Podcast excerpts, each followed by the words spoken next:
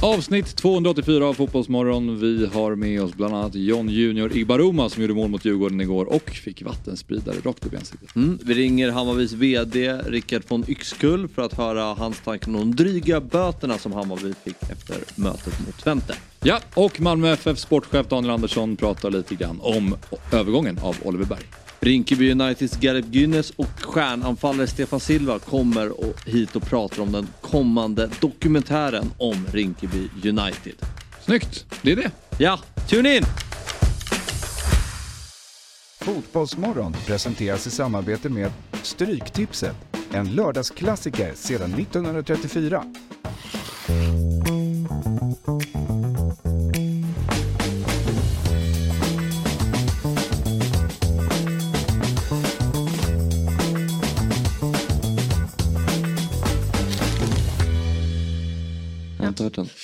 God morgon och varmt välkomna till avsnitt 200, 284 är det av eh, Fotbollsmorgon. Och eh, det är samma panel nästan som igår. Jag och Fabbe sitter kvar här och sen så har vi Elsa. Ja, god Välkommen. God morgon. Eh, en torsdag. Med, du är van att sitta här på, på onsdagarna. Verkligen, men jag har varit med en torsdag innan men jag måste säga att jag gillar nästan det här torsdagsgänget mer än det jag satt med förra gången. Det gillar jag. jag vet inte vilka du satt med men jag uppskattar det i alla fall. Det låter rimligt. Det brukar det blir bra. Vi har också matchat tydligen, se nu. Ja, vi, eh, vi kommer fram till att det var väldigt varmt igår. Så. vi tar på oss den tunnaste t-shirten vi har, gärna i vitt då. Ja. Det ska kännas. Och så, jag tror inte, alltså lyssnarna svalare. vet ju inte om det men alltså värmen här inne ibland är ju den är, den är stark. Ja men igår var det något, någonting annat. Ja. Måste, det, var extra. det var, ja det var, jag vet inte vad det var men det var för det var rekordvärme. Det har ändå varit hanterbart under sommaren tycker jag, även om det har varit varmt. Men igår var det som att det hände någonting. Jag tror att, det, jag tror att ventilationen har mhm. stannat av eller någonting. Alltså det, det finns ingen luft här inne. Så att, eh... Och det säger ni först nu när man har ja. satt ja. ja, det är bara att stålsätta sig. ja, det är verkligen. Låt, mm. Känn att svetten där bara, låt den bara rinna och ja. låt den vara en del av det. Och embrace it. Men eh, ska vi se, det är den 24 augusti. Bartolomeus, Otto Bertil Jormeus om man säger det snabbt. Namnsdag. Eh, är, det, är det Otto då eller? Bartomeo. Jaha, jaha. Nu, nu fattar jag.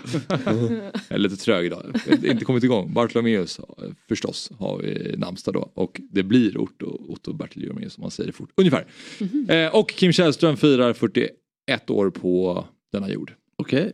Mm. Mm. En stor dag för dig tänker jag. Ja det vet jag inte men eh, en stor fotbollsspelare och en idol när man växte upp. Är han så ung alltså? Ja mm. uppenbarligen ja. Men eh, han skulle ju precis, han skulle ju med så som, vissa, så som vissa håller på idag så skulle han ju fortfarande kunna eh, lira. Kanske ja, var lagt av liksom nu någonstans. När la han av? 2017. 2017, mm. okej. Okay. Dock så kändes det som att så här, han, han, hans kropp kanske inte pallade riktigt. Alltså det kändes som att han, ja, han, han var inte riktigt samma nej, spelare. Han hade väl ett år kvar på kontraktet. Skulle ju göra två år men kände väl att efter första. Ah. Mm.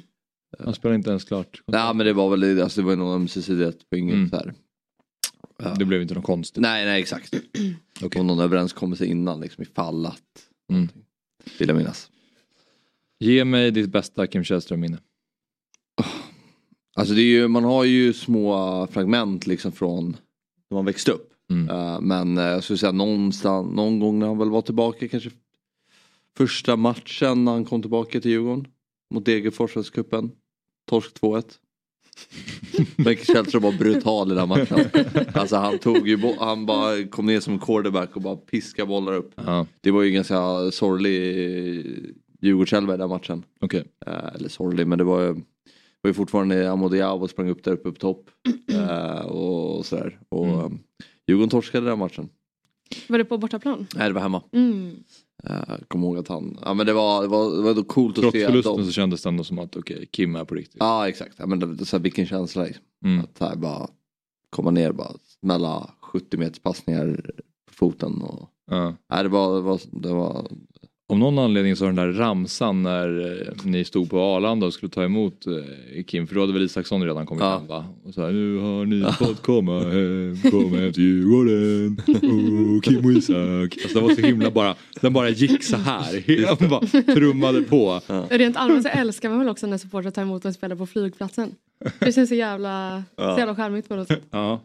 Det borde vi ju, vi borde ju försöka eh, ringa upp. Har det hänt någon annan gång eller? Men när Marek Hamsik blev klar för Blåvitt ja, så var det, just det enormt tryck på Landvetter. Ja.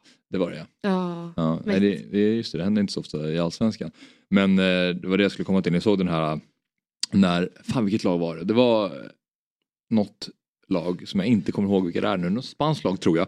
Skitsamma. Som inte hade fått några nyförvärv eller var missnöjda med nyförvärven i alla fall. Så då bara för att de skulle få den känslan så drog de eh, ett gäng supportrar till flygplatsen. Och eh, första bästa liksom, turist som klev ut ur portarna där liksom låtsades de som att det var en spelare som de var som är superhypad. Som sprang fram till den och bara tog bilder och bara kom, så här, välkommen hit. Ja, för några, dag, för några dagar sedan. Ja, ja. det blev ganska viralt det klippet. Det var väldigt roligt. Aha. Det var ju någon turist som blev extremt förvirrad och bara vad är det som händer? Han blev nästan lite rädd såg det ut som i ögonen. Ja, att, vad, vad är det som händer? Men det var ju en protestaktion ju. Ja precis. Mot att klubben inte hade värvat tillräckligt mycket spelare. Exakt. Ja, ja det var kul. Ändå påhittigt ju. Ja. Väldigt påhittigt och ganska roligt Jättekul. när man ser det där klippet och bara plockar någon Välkommen till klubben. Men eh, ja, det var ju ett eh, lite unikt Kim Källström-minne tänker jag. Ja, men det var bara det som kom upp. Liksom. Alltså mm. just att man såg nästan kunde förstå frustrationen för han kom in och var så bra och så sätter han bollar till spelare som kanske inte kunde förvalta det. Uh, och, uh, men jag tror han gjorde, för mig att han gjorde någon assist i matchen också. Men alltså det var bara så här, för det var ju Degerfors Superettan också. Så det var ändå så tydligt vilken nivåskillnad mm. det var. Mm. Uh, för det var ju bara ett halvår tidigare han gjorde ordinarie EM. Och kom hem.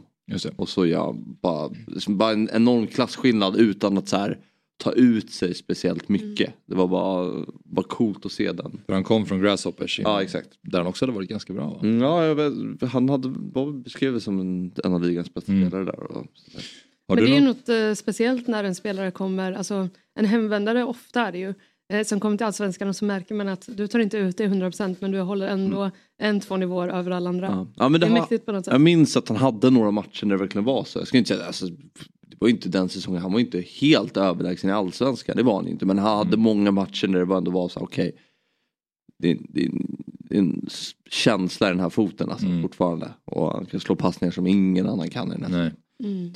Vad, jag, förstår kanske, att, jag förstår om det inte är ett Djurgårdsminne då, men har du något bästa Kim Källström-minne? Från, eh, alltså bästa vet jag inte, men man tänker såklart på många aktioner i landslaget. Mm. Alltså han var ju ändå bärare under väldigt många år och eh, ja, men alltid liksom hårt arbetande och, och sådär. Så att, eh, det är väl mer de insatserna man kanske ser tillbaka till. så. Mm. 4-4 matchen är ju också ja. klassisk. Han kom in och Han hoppar in i halvtid. Ja. Och, uh, Assisterade typ till tre mål. Han assisterar i alla fall till uh, Lustigs mål. Ja. Han assisterar nog till Zlatans mål också, ja. så nicken. Och så han inlägget till... Som sen blir Rasmus Elms ja. 4-4 mål. Mm. Mm. Uh, ja, nej, han, han slaktar Mertesacker va? Ja, är superfrispark. Armbåge rakt i ansiktet. Var då? då? Nej, då hade det stått 4-3. det, det är ett som är säkert. Men eh, sen har vi ju frisparken mot Holland. Ja, jo, och såklart. Råsunda. Såklart. Också om man ska prata landslaget. Mm. Som ju är en helt fulländad frispark. Mm. Ja, den är vacker. Ja, den är faktiskt fantastisk. Ja, eh, men eh, det är också årsdagen av Plutos degradering och tandvårdsrädslans dag. Det, det är ni. Mm. Det sprakar. Gillar ni att gå till tandläkaren? Ja, inte något emot det. Uh, tycker inte farligt.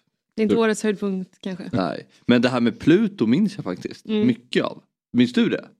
Alltså, Vi, det var mycket man höll på med det där i skolan. Det är mycket strul huruvida det ska vara en planet eller inte. Ja, eller att det väl blev en min... Ja, just det. Fastställda till en miniplanet. Mm. Eller en dvärgplanet kanske man säger. Ja, det Men det var, typ, det var typ min första alltså, så stora nyhet jag minns från okay. när jag var liten. Ja. Alltså Pluto när det blev uh, dvärgplanet. Ja. Kändes också som att många gillade Pluto. Jag tror ja. att det är för namnet att man där, var Det känns lite gulligt. Eh, precis, barn och det var en eh, liksom Disney-karaktär. Ja. Och då var det som att säga, ja, men, men, låt bara Pluto vara en planet, vad fan. Eller låt bara Pluto vara hunden. ja det också. precis, byt, byt namn. Ja. Sen kan ni skicka den. Om du fick, om du fick välja vad som ska byta namn, planeten eller hunden? ja, då, går man ju, då går man ju på planeten. det gör man ju. Eh, lite gårdagens matcher och headlines då. Vi kan väl börja med eh, Champions League-kvalet sen så kommer vi till Svenska Cupen. du, eh, du har varit sval när det kommer till eh, dina, dina predictions då. När, inför matcherna. För igår så sa du att Molde skulle vinna mot Galatasaray med 2-0. Ja, leder ju med 1-0 efter 8 minuter. Uh, så, men... men det räknas som att du hade rätt på slutresultatet. ja, det blev 3-2 Galatasaray. Ja. Uh, men jag trodde verkligen, det, det som var coolt var att det var bara norrmän i Molde själva. Mm. Uh, och uh, jag trodde att de skulle vinna mot Galatasaray. Jag trodde det här norska kollektivet skulle slå individualisterna i Galatasaray. Men så blev det inte. Ibland, ibland är det lite stolp, stolpe ut med predictions. Så det var den här gången också. ibland. Men de eh, såg ju riktigt bra ut mot Klaxvik annars. Ja. ja. Mm. Så ja. då tänkte man ju att de hade ju någonting. Men, ja precis, det känns som vi brukar ha, alltså, jag vet inte, det, det, känns som att vi nordiska lag brukar ha lätt mot turkiska lag. Helsingborg vann ju mot Galatasaray för typ 15 år sedan. Eh, de få gånger de ställs mot varandra. Ja. Jag kan inte minnas sådär överdrivet många möten. Nej. Östersund eh, vann väl mot, eh, var det Gall eller ja, var det Besiktas? Det gör du rätt De hade väl dem i, i gruppen. Ja. Men ja, det var Galatasaray som vann det mötet. Svagt om man skulle reka på matchen och hänvisa till Helsingborgs seger mot Galatasaray 2007. ja, precis. Och, och ett lag från norr. starka mot turkiska. och ett lag från så därför tror jag att Molde besegrar. På grund av Helsingborgs skall 07. Det vore härligt om du jobbade på här bettingbolag. Ja. Och tog fram sådana predictions. Ja. Och motiveringarna när man jobbade så Bara magkänsla. Ja. Det, det är Fabbes tips, du borde, du borde starta något sånt. Mm. Där du bara går på din feeling. Och, och då är det Gå bara, för noll rätt. Och då är det bara att sätta emot varje match. Braga vann mot Panathinaikos med 2-1 och så blev det 0-0 mellan Maccabi Haifa och Young Boys. Men i svensk fotboll så mm. var det lite roligare matcher. Och eh, vi kan börja med ditt Blåvitt då kanske. Mm. Elsa. Nu eh, radar ni upp segrar här. Ja verkligen, tredje ja. raka får man väl säga. Även om det var mot Zenit den här gången så eh, vann ni matchen. Ja, inte underskatta Zenit alltså. det var någon här gullig GP-artikel inför som var så här. Eh, det här är elektrikerna som ska möta liksom, eh, IFK Göteborg. Berättar om det kompislagets resa från att ja, men, eh, starta upp i division 5 och sen klättra i seriesystemet och till slut då få ta emot mäktiga IFK Göteborg på sin hemmaarena. Men ja, det var en fin tillställning. Mm. Ja. ja. Eh, för du, du har ju varit på alla matcher fram till den här matchen då, ja. i den här säsongen. Ja, det var första tävlingsmatchen jag missade i år. Mm. Svagt. ja precis, fan vad svag. Svag säsong. Ja, verkligen alltså. Men äh, det, bara det är ju en eloge och imponerande ja. att du har uh, hunnit med att se allting och pallat be dig med tanke på att vi satt här i mm. 08 fotboll uh, och kollade förra veckan på bortatabellen mm. och uh, då såg man att AIK låg i och för sig någonstans i mitten men sen Hammarby och Djurgården låg en bit ner och sen hade vi Blåvitt på sista plats som hade noll, eller som hade noll segrar. På Aha, bortaplan. Ja, ja, ja. På bortaplan. Då skänkte vi en tanke. Ja, då tänkte vi på alla som har rest på alla Blåvitts bortamatcher och inte fått oh. fira en enda seger. Och åka hem liksom från de här eh, långa resorna i buss eller bil tillbaka hem. Eh, och sitta där med max en poäng, oftast noll. Mm, nej det är ju det värsta. Alltså, alltså de här långa resorna som man kan göra till Kalmar eller nu har vi inte haft någon av de andra Smålandsresorna men så Värnamo kommer ju och eh, ja men Mjällby här då åker man ju buss dit och på vägen dit är det alltid fine liksom. Men på vägen hem när man inte har tagit tre poäng eh, så vet man att jag kommer komma hem klockan två. Mm. Jag kommer ha missat sista bussen hem. Så det är liksom promenad eller taxi. Eh, och dessutom ska jag jobba imorgon. Ja. Så och 03 ju, på det. Ja. Men nu är Kalmar den längsta? Ja, Kalmar, nej Sirius, ja, Sirius är det längsta. Såklart. Men då brukar jag åka tåget ja. upp. Men de bröt ju den trenden, ja. ska sägas. Uppe, eller i Degerfors då. Verkligen. Och, och som de gjorde det. ja, herregud vilken jäkla match. Ja. Det, var ju, det var ju liksom omgångsmatch eh, som alla ville kolla på och den levde upp till förväntningarna i form av ångest. Alltså genom matchen. Oh. Just i alla fall ur ett blåvitt eh, perspektiv. Sen slutade det ju i ångest för Degerfors. men det var ju mycket ångest för IFK Göteborg under matchen. Ja men verkligen och det hann svänga många gånger också. Mm. Eh, så det var verkligen den, den känslomässiga hissen eller vad vår gamla tränare brukade säga. så att ja, nej, det var Alltså de sista tio minuterna så tror jag åldrades tio år. Alltså det var uh, fruktansvärt. Men väldigt, väldigt skönt efteråt. Men alltså, när Marcus Berg brände den straffen, mm. vad tänkte du då? Ja men då var det ju nattsvart. Alltså, då tänkte man att det är ju ett sånt här år där vi har så mycket stolpe ut och så mycket märkliga saker som händer. Så att det här året är ju, alltså sådana saker händer ju ett lag som åker ut. Alltså sån, sån otur, sånt oflyt, att man aldrig får någonting sånt med sig. Men jag vet inte, de senaste matcherna har vi börjat få marginalerna med oss på ett sätt vi inte haft under hela säsongen. Och det är väl så att bra lag får väl det till slut. Eh, och eh, när han då, ja, när McCauley skjuter i ribban och Mackan nickar in eh, 2-1 då, ja, mm. då var det total lycka liksom. Ja. Ändå häftigt att han har repat sig Berg den här säsongen och ändå avgör de två senaste matcherna. Mm. Mm. Uh, Båda i 86 minuten. Ja. alltså, jag tycker det visar på vilken mentalt stark spelare Marcus Berg är. Alltså efter att ha haft den säsongen, gått så många gånger till eh, era klack och blivit utskällda efter noter och mm. någon som skrek att vi inte gjort mål sedan Jesus födelse eller vad. Jesus gick i badbyxor. Ja just det, exakt.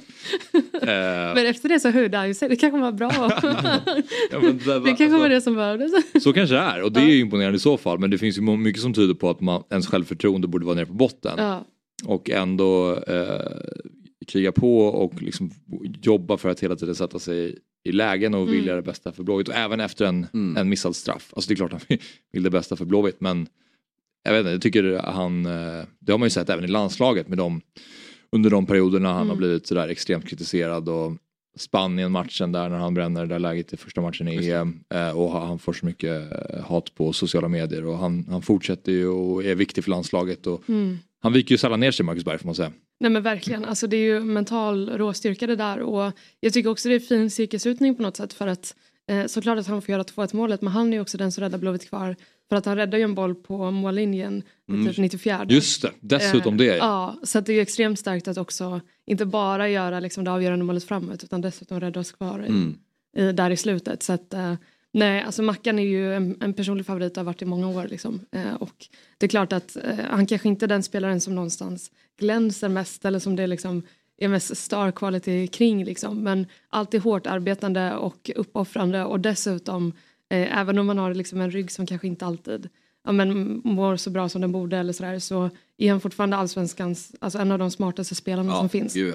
Eh, det finns ingen skulle jag säga som har samma liksom, förmåga att läsa spelet och, och, kunna se vad, vart det ska ta vägen. Så att, eh, eh, jag tror att också när vi kollat tidigare på säsongen, alltså, man brukar väl prata om det, har du säkert koll på Fabbe, men att typ var fjärde mål i, eller var fjärde målchans i målzonen blir till mål. Mm. Eh, och vi har ju haft extremt få skott på mål, extremt få målchanser. Mm. Eh, och det är klart att eh, då blir det väldigt lätt att så här, ja, men om du får en, en chans per match, att så här, sätter du inte den så, så kommer den här kritikstormen. Men problemet egentligen är ju inte att eh, en person inte sätter en chans per match utan problemet är ju att det är en chans per match. Mm. Eh, att det inte är fler chanser. Och det märker man ju verkligen nu att vi har fått igång ett, ett spel som fungerar bättre och att bättre spelare har kommit in runt Marcus Berg. Mm. Hans potential är ganska outnyttjad om han är isolerad på topp vilket han var när vi spelade ett 4-2-3-1 i början på säsongen. Nu är det mycket bättre än när vi spelar ett 4-3-3 och mm. någonstans får, får mer lägen att jobba med och fler spelare runt omkring sig. Men det tycker jag är bra poäng. Alltså, för allt det här snacket om oss använder, om, om säg att Blåvitt hade skapat en eller två stora chanser och så gör man inte mm. mål på dem. Då är det så här, men vi måste sätta våra chanser. Mm. Det är så här, ja det är klart att det, det, är bra att göra det. Men mycket handlar om att komma till chanser mm. så att man hela tiden ger sig själv. Mm. Att, alltså, alltså, ingen anfallare i världsfotbollen någonsin har gjort mål på alla målchanser man får. Alltså även om de är hundraprocentiga. Det är det som är styrkan bland de bästa målskyttarna i historien. Så här, Cristiano Ronaldo, hans hunger att han bränner han kan ju också bränna ett, mm. ett öppet mål från fem meter för att bollen studsar upp eller han har kroppen felvänd på något sätt. Liksom. Men sen så skiter han ju i det och så lägger han det bakom sig och gör mål på nästa chans istället. Mm. Lite som Berg gjorde nu mot, mot Degerfors. Inga, Inga jämförelser i övrigt. Men, övrigt, nej, precis. men, men det, det, är ju verkligen så. Alltså jag, handlar, för mig handlar det mycket om att se till att hela tiden, hela tiden komma till målchanserna mm. och sen så kommer de i sitt mm. förr eller senare. Ja, men det där är också med liksom, ja, teknikens utveckling i fotbollen, att det mm. bevisar vad, vad görs det flest mål i fotbollen. Det har ju tagits fram det här mm. assist zone, golden zone, att, liksom, att man vill nå de här ytorna innanför i utkanten av straffområdet mycket för det är där flest assist gör. Mm. mm. Och innanför liksom, målområdets ytan så görs det liksom flest mål. Mm. Och det är ju många, det är klart att lag idéer och spelsätt är att komma till de ytorna så mycket som möjligt. Mm. Det, tycker jag, det ser man ju också när man tittar på fotbollsmatcher att det är tydligt att vilka mm. ytor motståndarlagen vill åt. Liksom. Ja, Verkligen. och sen kan man såklart vara bättre eller sämre på att avsluta. Ja, ja, det, är, det är fortfarande bra att ha en spelare som kan göra ganska mycket mål ja. på de där ja. lägena men um, det, det är lätt att man sågar en anfallare som bränner två lägen på tre försök. Ja. Eh, Verkligen, och istället för att tänka att ja, men, bra att de överhuvudtaget kommer till de chanserna eller vad kan vi göra för att komma till fler chanser. Mm. Mm. Eh, för det kommer inte komma fler mål om man bara kommer in där en, två gånger per match. Mm. Så är det ju liksom. Nej, men det kan jag tycka ibland, alltså, apropå Berg, mm. varför han är så, den, alltså, hans smartness och tycker jag blir tydligt i matcherna han möter bra försvarare. Mm. Alltså, till exempel Marcus Danielsson som jag tycker plockar ner anfallare väldigt mm. ofta. Mm. Uh, och uh, men när han möter Berg så ser man att det är tuffare, det uppstår situationer. Även fast Danielsson vinner duellen så är det liksom, det kan bli en andra boll. Alltså det, det är lite tuffare för honom varje duell. Och det mm. tyckte jag var tydligt när Djurgården mötte Blåvitt för två veckor sedan. Mm. Och han smyger också under raden som ganska grisig. Ja, alltså, men, folk men märker det inte men ja. han är så jävla bra på att vinna ja. alltså, offensiva frisparkar. Ja. Eh, extremt bra på att liksom, slänga sig i rätt läge eh, så att man får liksom, med sig en straff eller en mm. frispark. Alltså, nej, Otroligt bra på att vara grisig på helt rätt sätt. Och, eh, vi ska släppa Marcus Berg men jag vill bara mm. säga en sista detalj. Måste och det, är, och det är, ja, precis, vi kan prata om hela programmet. Nej men det är efter att han gjorde det där målet mot mm. Djurgården. Mm. Eh, då i intervjun efter så sa han typ i stil med så här, men jag, han, han fick typ frågan så här, berätta om målet. Mm. Han sa, ja men jag kom väl eh, fri och eh, sen för, det enda jag försökte göra var att skjuta i steget. För när man gör det så brukar det vara oftast eh, så här öppet mellan benen på målvakten. Mm. Det var en så här lite intressant anfallsdetalj för jag upplever inte att det är så många anfallare. De är så man kommer fri, man, försöker, man tittar upp, var är luckan, okej där skjuter jag. Men han var mer så fokuserad på när, i vilket läge skjuter jag och då ska det vara öppet där. Det var som att han nästan inte ens kollade upp och det är liksom inte själv reflekterat ja, Jag vet inte hur många som jobbar på det sättet. Verkligen. Och det målet är ju så himla alltså, fint på alla sätt för att den första touchen ja, är ju liksom... Ja, ja. Han, han får ju bollen, han tar emot bollen på typ halvplan. Ja. Och det är inte den snabbaste fotbollsspelaren. Och verkligen gömmer alltså, sig mittemellan ja. mittbackarna mm. så att han är liksom på rätt sida. Eh, men ändå kommer kunna tajma löpningen så att han är snabbare för att han är ju, han är ju inte så snabb längre. Mm. Alltså, gubben är ju 37 nu. När man börjar bli till åren liksom. Ja. Men, men han anlägger sig så att han vet att eh, om bollen kommer så är jag precis rätt yta för att ha några meter mindre att springa än de andra mittbackarna. Så att, Alltså det målet är ju det är godis på alla sätt. Mm. En detalj till bara med det målet som är, som är väldigt läckert. Jag tror jag pratat om det här tidigare, inte här men jag pratat om det tidigare. Att han tittar ut på linjedomaren och ser om han vinkar. I farten? Eller? Ja, ja, det tycker jag är, alltså när fotbollsmän gör det, att om man har den sinnesnärvaron mm. och bara så snabbt kika ut för att se om linjedomaren är uppe med flaggan. Mm. Det tycker jag är... Ja. Det är nice. Det är nice. Men eh, de vann i alla fall igår med mm. 2-0 och då var det någon person som heter Wilmer Thyrén som inte jag vet vem det är som gjorde ett riktigt snyggt mål. Ja men precis, han var ju i, uh, jag hatar att uttala det här uh, namnlaget men Gärsken, Gärdsken, ja, okay, ett lag i, ja, okay. I, i, tredje divisionen i alla fall inför mm. säsongen och sen plockades han upp av, av IFK Göteborg, är född 2005. Mm. Eh, och det var en, också en fin detalj att Felix Eriksson eh, som är också en väldigt lovande vänsterback fick assistera eh, ja, men, eh, Wilmer då. Så en spelare född 2004 till en spelare född 2005. Mm. Så det gör, man ju, det gör en ju väldigt glad. Och så fick ni en eh, riktig kanonstrut av Astrid Selmani också. Ja, nu är han igång. Ja verkligen, den är fin. Mm. Det är fint, alltså man älskar ju när en anfallare går in lite i banan och sen laddar upp ett, ett skott i krysset på det sättet. Mm. Det är ja, otroligt.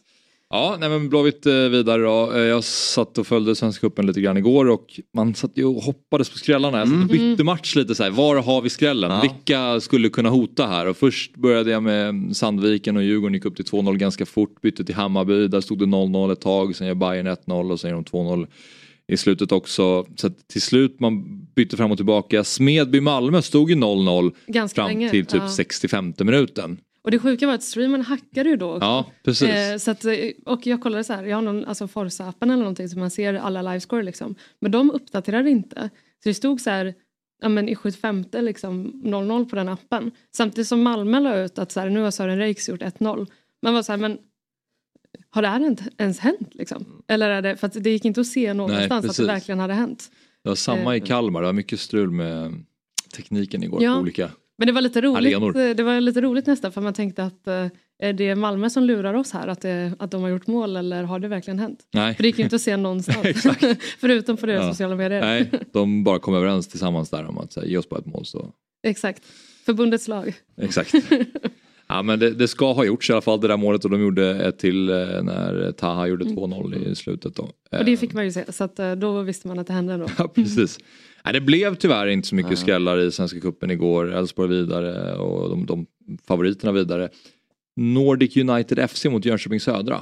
Ja, men det, jag vet inte var vi har Nordic United. Nej, toppen av division 1. Okay. Uh, ehm, så, uh, det var inte heller så här. Nej, det, det blir ju alltså, det beror på lite vad, vad motståndaren ställer upp med för lag. Mm. Mm. Alltså roterar laget, liksom, jag tror Jönköping har gjort det tidigare nästan, roterat bort en Svenska cupen-match. Mm. Uh, kan ha fel, men så då är det ju ingen superskräll. Men det är ju ändå intressant att vi har allt mindre skrällar uh, i de här cupmatcherna och kvalen.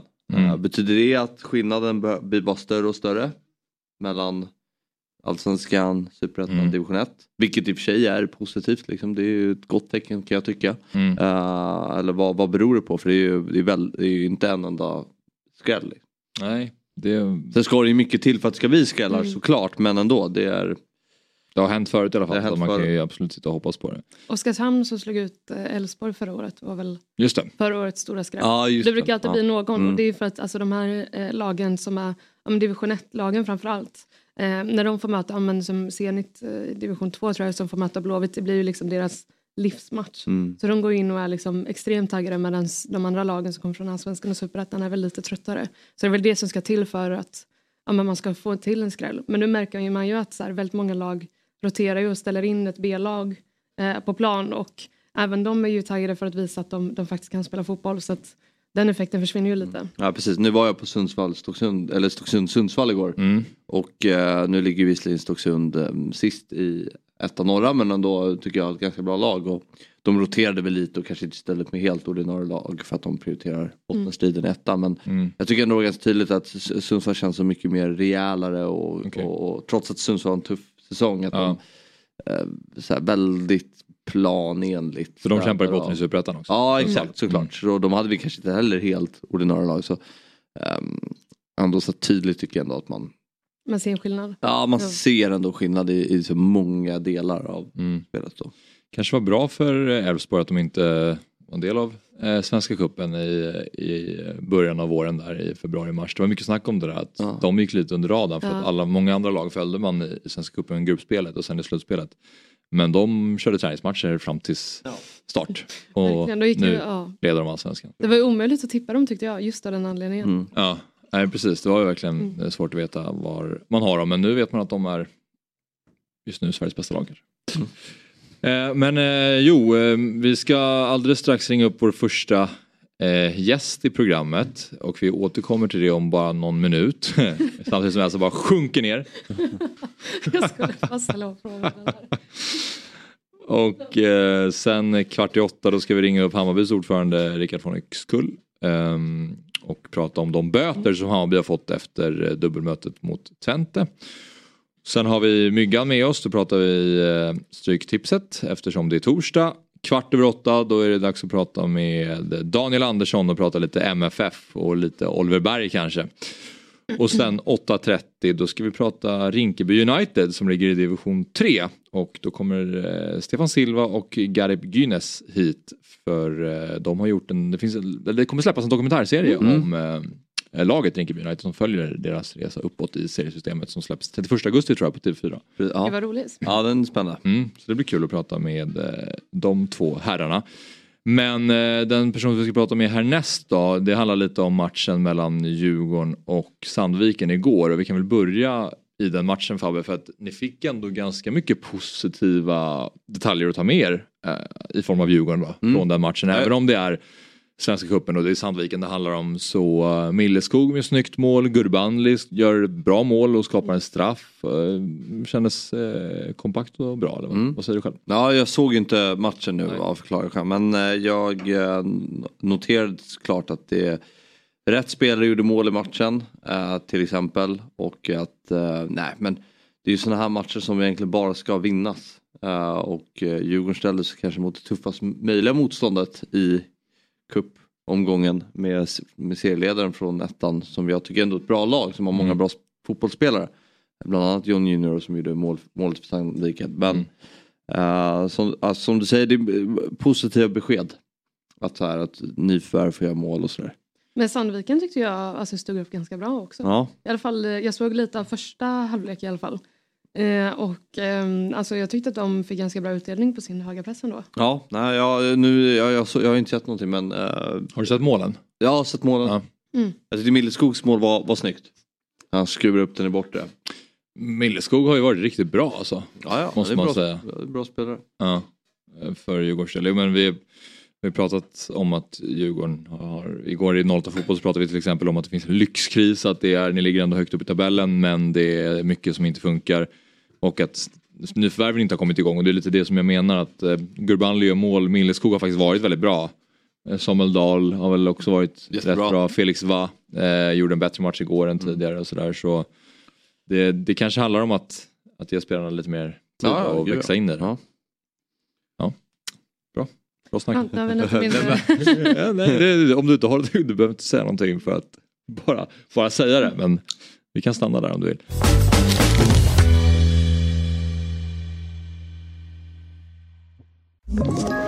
Ett poddtips från Podplay.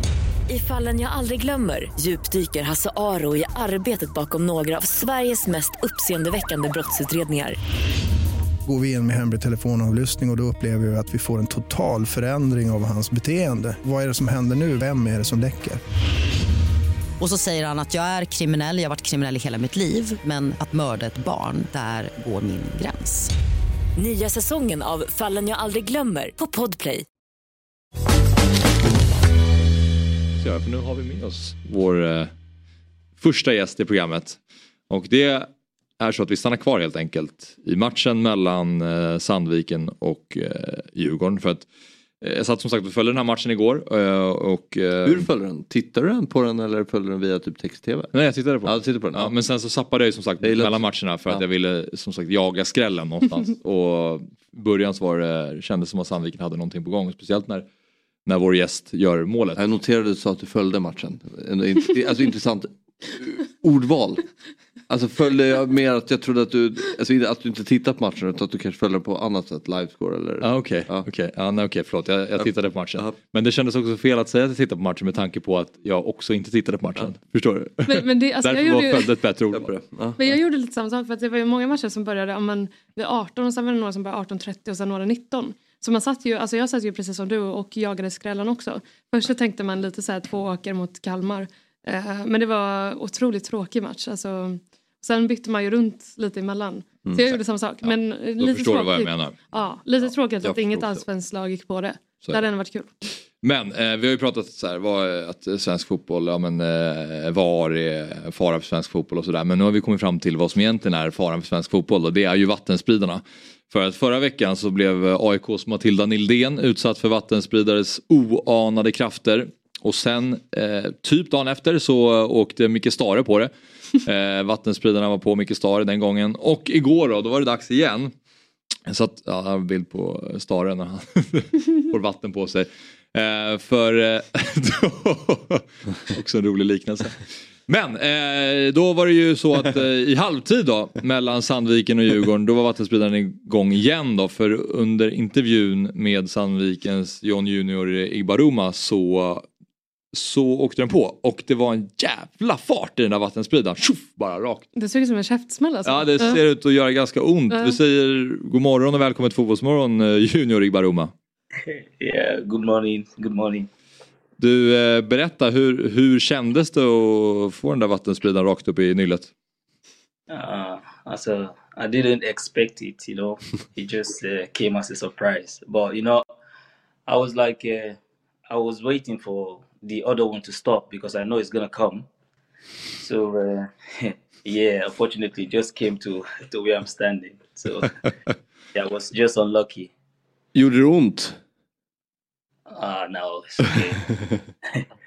Ja, nej men den, det, det, såg, det såg ut att göra ont för det, det, den, den är så nära dig och den kommer med sån fart men eh, det var ju yeah. skönt att, eh, att det gick bra i alla fall. Var det kallt? Yeah, yeah it's cold but you know the weather is warm so it was okay. okay.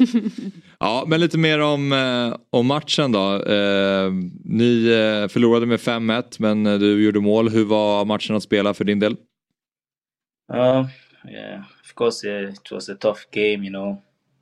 uh, Yugon is, uh, of course, the better side. You know, the really, really tough. You know, it's uh, if you count one of the best team in uh, Aspenska, of course, you call Yugon. so, yeah, it was a good game. You know, it's like a good uh, test for us. You know, to see how we can step up with uh, this kind of team. But uh, yeah, I think we did like a good, a good game. But unfortunately, we we we didn't get the result we wanted. But it was a good game for us. Mm. Hur, eh, hur besvikna var ni efteråt med tanke på att det är Djurgården så att eh, kraven ligger ju på dem att de ska vinna matchen men jag kan ändå tänka mig att ni, ni hoppades eh, på det med tanke på att du, du är i form och Sandviken är ändå ett bra lag. Uh, you, you know, every every time you play football match, you want to win the game. So of course you're gonna be, yeah, you're gonna be like sad and so. But uh, the good thing is like, this is not the league. You know, this is like a cup game. Of course we want to go we want to go uh, forward but ah, it happens in football. So. Mm. Jag tycker, ni leder ju division 1. Hur mycket prioriterade ni den här matchen? Hur viktig var den för er? Jag tänker ändå division, att ni leder serien och att ni vill gå upp till superettan. Uh, hur prioriterar ni? Uh, uh, you know now it's like a lot of uh, uh, yeah like everybody in the team is doing really good right now, you know, so it's a lot of like challenge in the team. But the coaches, they really handle it really good. And, uh, you know, our focus now is just uh, staying on, uh, like, having like a good top uh, level, stay really good on the top. So that's the, the goal, I think. Mm.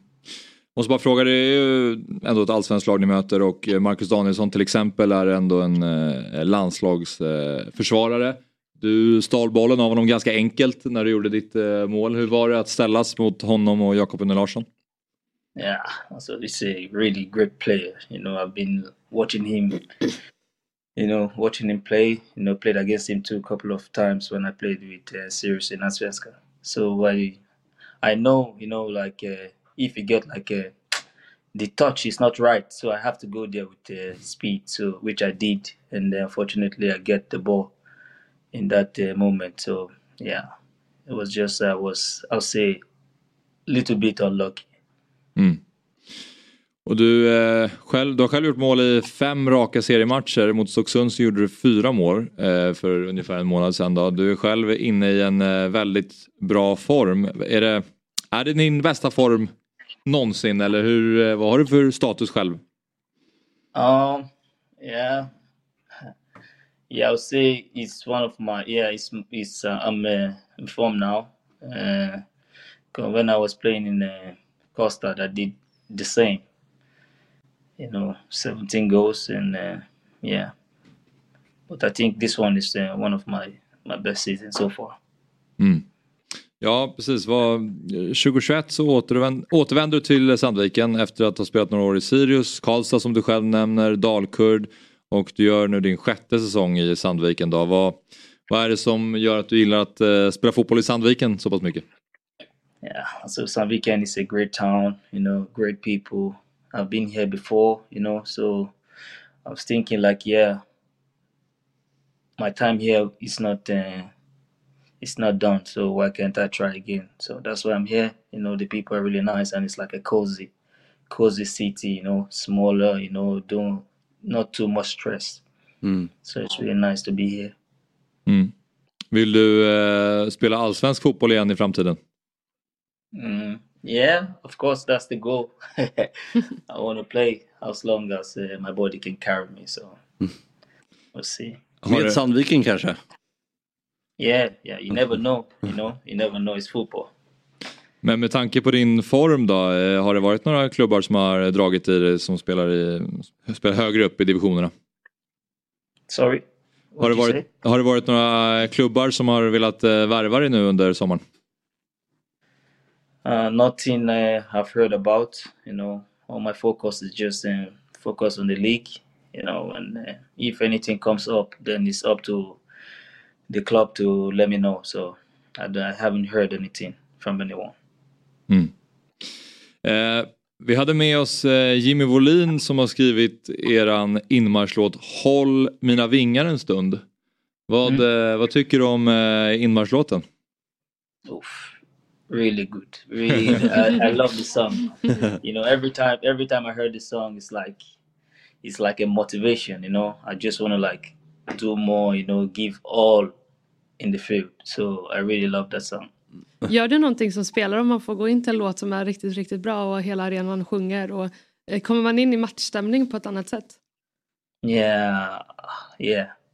You know, when uh, the song is playing, it's like everybody want to give everything. So uh, yeah, that, the song is really nice. I like it. Mm. Brukar du lyssna på den, förutom när du går in till planen? Yeah, yeah, yeah. Of oh. course. Uh, always, we always play the song in the dressing room, even at home here. yeah. Är det din mest lyssnare på Spotify?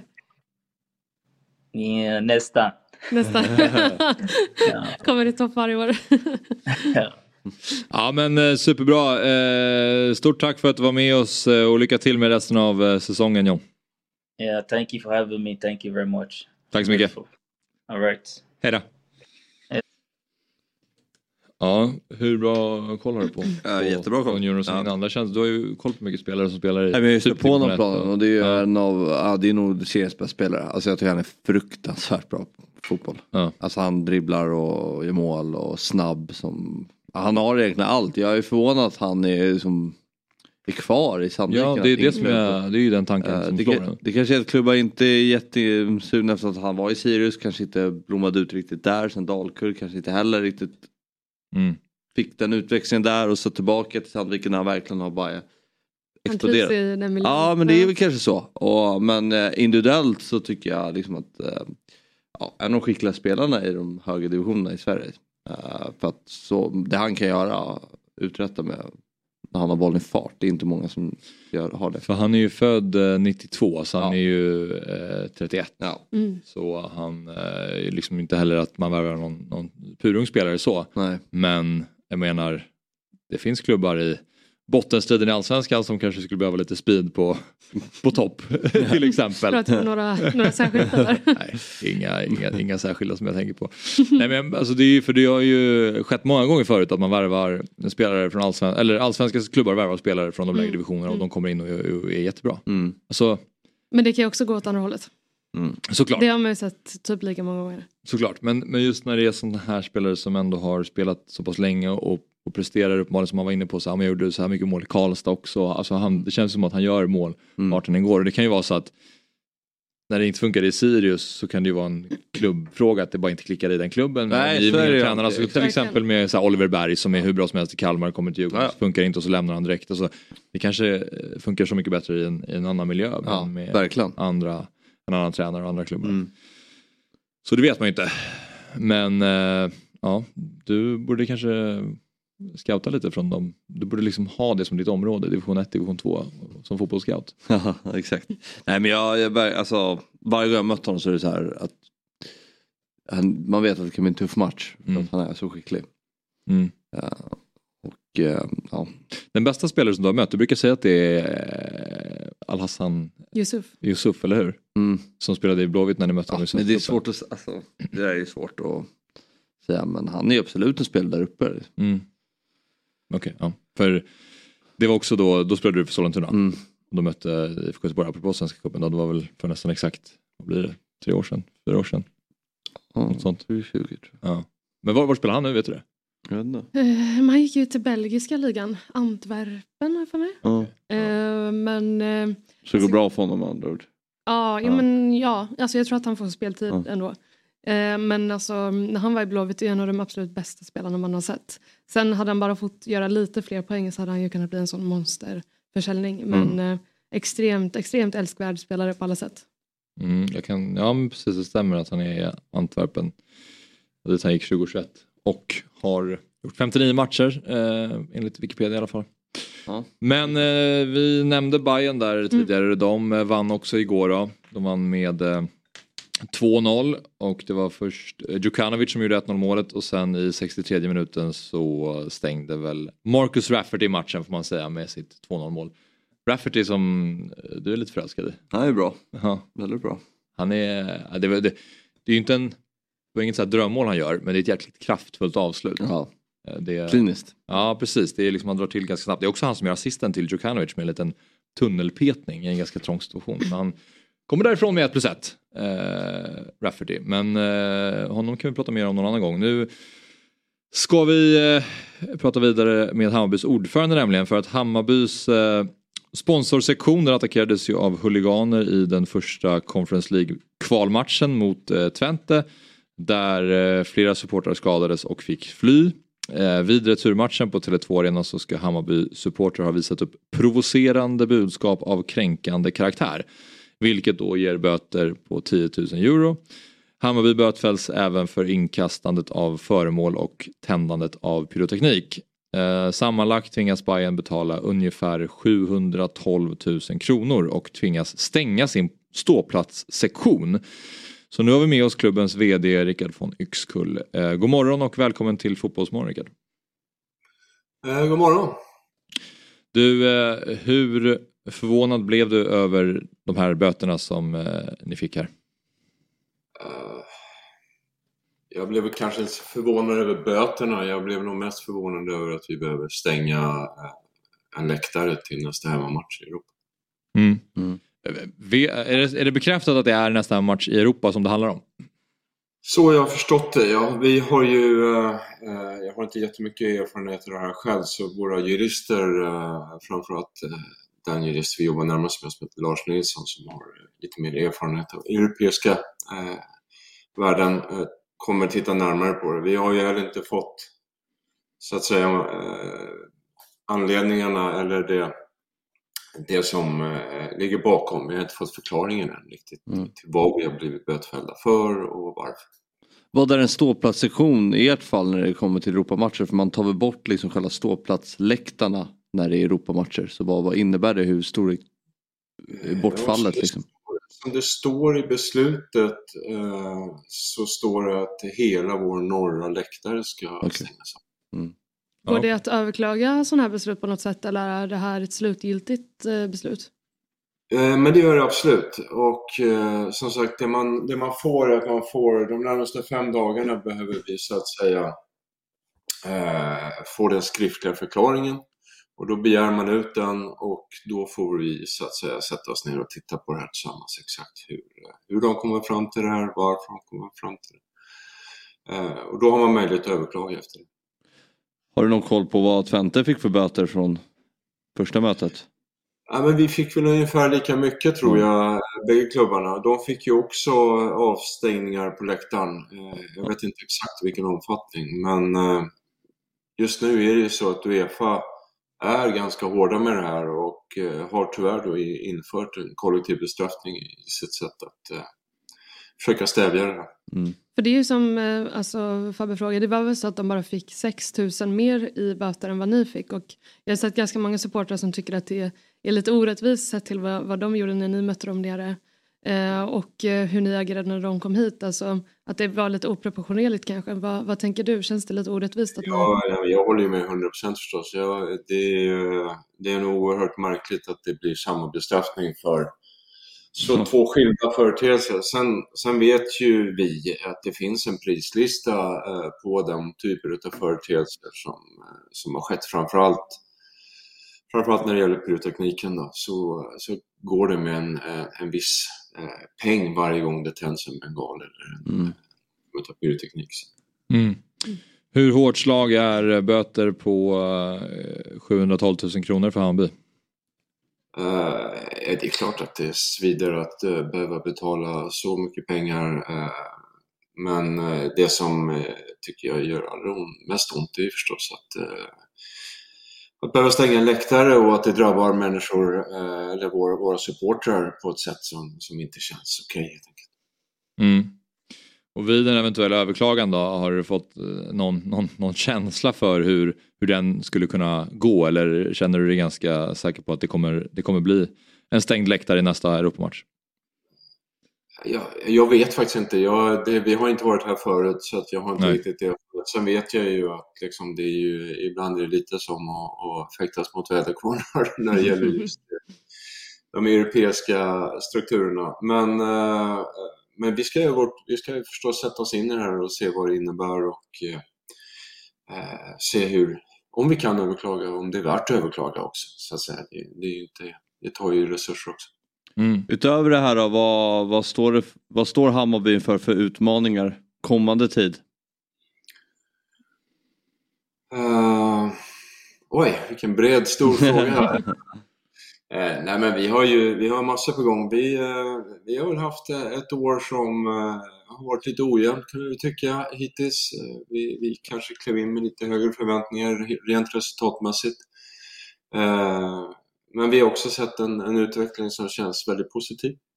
Mm. Eh, så vi har någonting verkligen på gång och, och, inte minst det ni pratade om här eh, nyligen, men vi har många unga nya spelare på väg upp eh, som också har tagit klivet upp redan. Så det känns, nej men det känns som vi är på rätt väg och, och sen så kommer det nog kommer nog hända en del i Hammarby framöver, det kommer det nog göra. Vi har lite organisatoriska förändringar som mm. förstås när Jesper slutade här i våras så, som vi jobbar med och, och kommer, kommer presentera inom kort. Ja precis, eh, följdfråga på, på det då. Mikael Hjelmberg är ju tillförordnad sportchef sen Jesper lämnade klubben då och eh, han är en av kandidaterna som har förstått det för att bli sportchef på permanent basis. Då. Eh, hur ser hans, hur ser den sannolikheten ut att han blir kvar som sportchef? Uh, nej, jag hoppas att han blir kvar som sportchef. Vi får väl se hur, uh, hur vi kommer, vilka roller vi kommer ha och vilka titlar vi kommer ha. Så att, uh, vi ber väl få återkomma exakt vilken, mm. vad hans titel blir eller hur vi kommer organisera oss lite mer i detalj. Men jag hoppas verkligen att han blir kvar. Jag har inte fått några andra signaler. Nej. Och eh, när förväntas ni presentera eh, ert val? Uh, ja, men vi, kanske, vi, kommer nog, vi har ett medlemsmöte som kommer här i, i höst, eh, slutet på september. Vi kommer nog prata en del om det här. Jag är inte hundra på att vi kanske är helt färdiga med alla detaljer, men vi kommer nog ha det övergripande ramverket på plats, hoppas jag. Nu behöver du inte säga i detalj hur organisationen kommer att se ut, men hur har ni utvärderat efter eh, Jesper Jansson som sportchef? Alltså en extremt liksom, tung titel att ha. Det är nästan som man står ansvar för alla frågor i en förening. Har du liksom utvärderat och göra om liksom rent organisatoriskt eh, runt den rollen som eh, sportchef? Ja men så är det nog och det är ju också eh, Vi har nog kanske varit lite för få personer också om man ska vara ärlig. Mm. Det är klart att det är många som jobbar i den här sportsliga organisationen men vi kommer nog eh, att investera mer i vår sportsliga organisation framåt och det blir väl kanske både ett eller två huvuden till men också mer resurser runt om. Mm. Mm. Okej Rickard, eh, stort tack för att du var med oss i Fotbollsmorgon och, och redde ut detta så får vi se när ni presenterar nästa sportchef med mera. Ja, stort tack. Lycka ja. till. Hej då. Ja. ja. Spännande. Det, är ju som han är inne på lite alltså, märkligt med tanke på Twentes agerande i bortamatchen. Mm. Och att de ska landa på ungefär samma böter. Men, Men de är ju inte förvånad på något sätt. De är ju väldigt, de är väldigt hårda mot pyroteknik, Uefa. Eh, alltså där, där, blir, där, där vet man att det blir böter. Så Men sjukt nog, alltså det som de är absolut hårdast mot det är ju kränkande budskap mot Uefa själva. Mm. Alltså om du har någon, någon banderoll som är liksom Uefa-maffia eller någonting så är det det de brukar bestraffa absolut hårdast. Eh, så jag vet att man pratar om det inför den här, alltså, eller efter Twente-matchen där de hade stormat sponsorläktaren att förmodligen så kommer de inte ge så höga böter för det utan de värderar andra saker mycket, mycket högre. Eh, och det är helt sjukt egentligen. Eh, alltså så. Mm. Var det, var det Lega Warszawa som var ett enormt Uefa-festival? Det var inte bötesfritt. det kostade nog ganska mycket pengar. ja, både att genomföra men också... Både att genomföra och sen följderna av det. Men, det vet jag att alltså Malmö har ju fått böter för, för sådana banderoller också. Mm, ja. eh, så att det är det de brukar bestraffa absolut hårdast och det kan man ju tycka är lite märkligt kanske. Ja, ja verkligen. Men eh, han var inne på det också lite så här kring du frågade där hur framtidsutsikterna ser ut för Hammarby och vad som väntar näst. Han sa att ja, men det har varit en lite märklig säsong. Ja. Eh, och det är ju det som känslan har varit kring Hammarby. Att Bayern har man aldrig, inte riktigt haft någon känsla kring var de står någonstans. Mm. Och nu börjar de väl hitta sin egen nya riktning på något sätt. Mm. Eh, med ett lite mer stabilt Bayern. Nu höll de visserligen mot Hudiksvall men höll de nollan igen då och det kändes inte som att det var särskilt eh, farligt. Och de har, de har börjat, känns som att Marti alltid har velat vara den här spanska offensiva fotbollstränaren. Och insett att vi, vi gör inte så mycket mål, mm. i alla fall inte just nu, det funkar inte riktigt. Och då är det som att han har vänt på det, okej men då mm. vill väl jobba, mm. eh, åt, börja och, och från andra hållet och mm. försöka sätta defensiven så åtminstone inte släpper in så mycket mål. Då. För jag kommer ihåg alltså, inför Twente-matchen så hade vi med Bayern Jompa i Fotbollsmorgon och frågade just hur Marti skulle ställa upp för att det var ju ett lag som skulle gå ut ganska offensivt och, och då valde han ju att ställa upp ja, i princip ett, ett 3-5-2 och spela väldigt liksom, defensiv fotboll och det är ju Hammarbyarna absolut inte vana vid och jag kommer ihåg att han skrattade inför att få den frågan för att det ligger så mycket i deras identitet att spela offensiv mm. fotboll och mm. ja, men göra fler mål framåt än vad man släpper in bakåt någonstans. Eh, men jag tycker att Hammarby de senaste matcherna har ändå visat upp ett, ett litet annat cyniskt, mer cyniskt Hammarby än vad man är van vid att se. Eh, och eh, jag tycker också att Martin någonstans ändå har fått ordning på de sakerna som man såg ändå brast i, i våras. Så att, mm. Ja, mm. de, har, eh, de har bättrat sig de senaste matcherna. Ja, och sen har de ju haft ett ganska lugnt transferfönster och sådär. Ja, det är sant. De får, får ju tid här att bygga lite nu inför, inför framtiden. Det var det Hjelmberg sa, vi gjorde tunga investeringar under vintern. Alltså mm. vi, det var en sån extrem ombyggnation så att det mm. finns inte liksom läge för oss att att ändra hur mycket som helst nu heller. För det, jag tror också de känner det, så det finns inget eh, det finns inga topplatser att riktigt gå mot eh, 100% eh, och de har tagit sig undan bottenstriden så då är det väl bara att försöka sätta laget och lite grann förbereda sig för nästa säsong hur tråkigt det än är i augusti att ha den känslan. Och det tror jag är smart också sett till att alltså de värvade ju ganska mycket unga spelare som det finns mycket potential på men som kanske inte levererade där och då i våras. Och någonstans nu är ju säsongen kanske vaskad uppåt och neråt. Liksom. Det är bara att vara i mitten mm. och ja, då får man ju ge spelare tid och någonstans alltså bygga på någonting inför nästa säsong och mm. det ser ju ganska lovande ut. Dock så mm. har de ju fortfarande chans på fjärdeplatsen. Så jo. Det, innebära. Ja. Så det finns ju ändå mycket att spela för, det är inte bara att de ska ta det i mål. Liksom. Nej, mycket... men bara känslan kring att de, de lagen som ligger runt den fjärdeplatsen är också rätt bra. Nej det tycker jag inte. Norrköping och Djurgården har inte varit jättebra i år. Jo men alltså, det är inte så att Bayern, även om de har börjat vinna lite fotbollsmatcher så känns det inte som att de har spr- nej, nej, nej, det är inte så att, det är inte så att de bara, bara kör. Jag tycker inte han blir mycket sämre. Det tycker jag. Nej, nej, nej, nej de, är väl någonstans, de är väl någonstans där men de ligger också ganska mycket poäng efter. Och ja, det, som gör det kanske ja, sex eller fem. Givetvis ska de ju gå för fjärdeplatsen mm. men uh, det man, man förstår i alla fall lite hur de har resonerat mm. kring just eh, värvningar in till klubben. Och ja, det, det jag. Verkligen. Och där håller jag någonstans Norrköping som bästa kandidat till fjärdeplatsen just nu. Sett till hur mycket som det känns som att det klaffar för dem för tillfället. Det känns som att alla spelare någonstans inne i, i en formtopp och dessutom kommer ju Jesper Tollinsson förmodligen dit nu. Mm. Eh, så att eh, det är en klubb som mår ganska bra. Mm. Som. Ja verkligen. Ja, men eh, när de där spelarna tappar formen, om de gör det, då tycker jag inte att Norr, då tycker jag Norrköping snarare är ett lag för under halvan. Med Totte och Transason? Och... Ja, jag vet. Ja. exakt. Ja. det är alltså det de syftar på? Precis. Ja. Mm, nej, de, de är ju ruggig form visst. Det känns som ett... Sen, sen tycker jag... och så, då har du... Sen tycker jag man ska ha ett lite varningens finger för, alltså när det kommer till Norrköping, det är att de har väldigt många spelare mm. in på lån. Eh, och eh, en del spelare kommer de säkert köpa ut efter säsongen men jag tycker också att det är en lite märklig sportcheferi med tanke på att det någonstans ändå är en mittensäsong för dem att ändå låna upp eh, väldigt många spelare. Eh, mm. Om man har en mittensäsong borde man kanske i min mening försöka värva ungt och liksom föradla och sen sälja. Eh, för du får ju inte så mycket pengar utav ett lån så att säga utan tvärtom så kostar det ganska mycket. Mm. Så man får ju se lite vad, vad, det blir av den här säsongen och, och någonstans hur de ska bygga vidare till, till nästa år för att eh, det är ju ganska kortsiktigt eh, sportcheferi att plocka in spelare på lån som de har gjort. Mm. Ja, verkligen. Det är sant. Ja, men äh, vi eh, ska bara eh, påminna också om att Big Six är igång med en ny säsong och det är alltså våran podcast om Premier League. Där vi släpper två avsnitt varje vecka. På måndagar då är det Björn Jonsson och Jesper Hoffman som sammanfattar helgens matcher och på torsdagar, det vill säga idag då, så sätter vi fans till Big Six-lagen vid mikrofonerna för att höra röster och känslor kring lagens prestationer. Dock så släppte vi avsnittet redan igår då Viktor och eh, Kalle och Per Frykebrant eh, spelade in. Viktor håller på Manchester United, Kalle på Chelsea och Per på eh, Tottenham. Vilken trio! Ja visst, ja. Eh, så det kan jag verkligen rekommendera. De är också jäkligt härliga torsdagsavsnitten när man får höra lite mera, ja, det är också bra analyser men lite mer känslor kring eh, de inledande matcherna. Och Chelsea som har tagit en poäng, United som såg bedrövliga ut mot eh, Tottenham. så att Kalle och Viktor är väl lite deppigare och så har vi Per som är glad för att Tottenham under Big Ange, vad han nu kallas, eh, har gått bra. Och eh, en till grej då.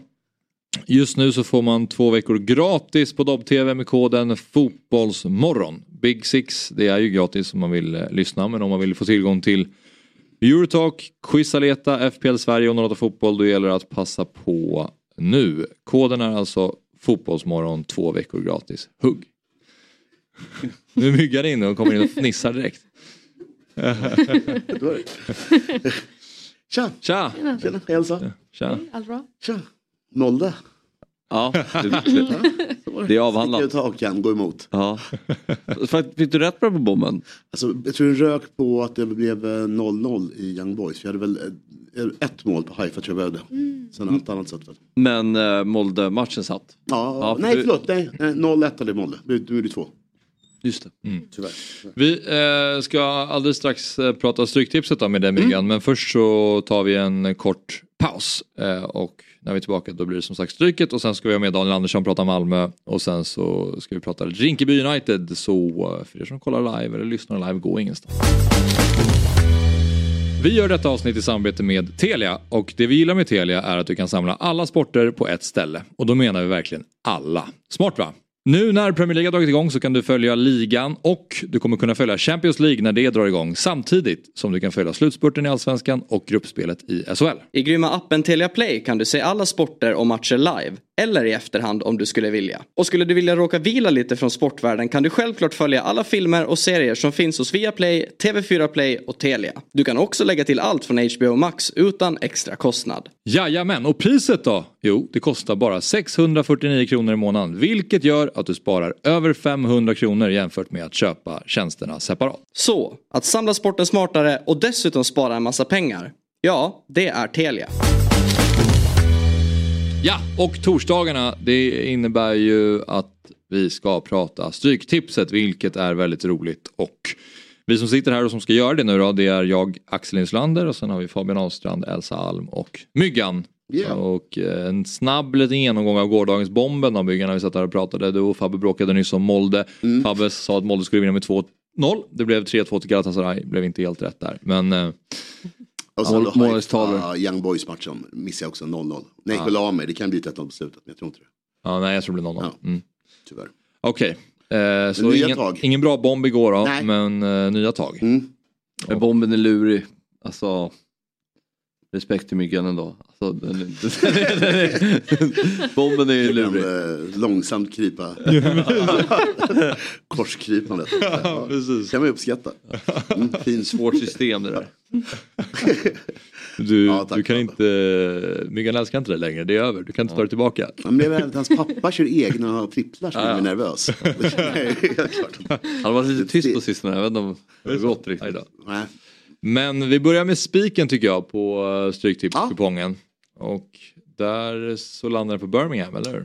Birmingham, det var andra veckan i rad som jag eh, håller dem i handen lite grann. Mm.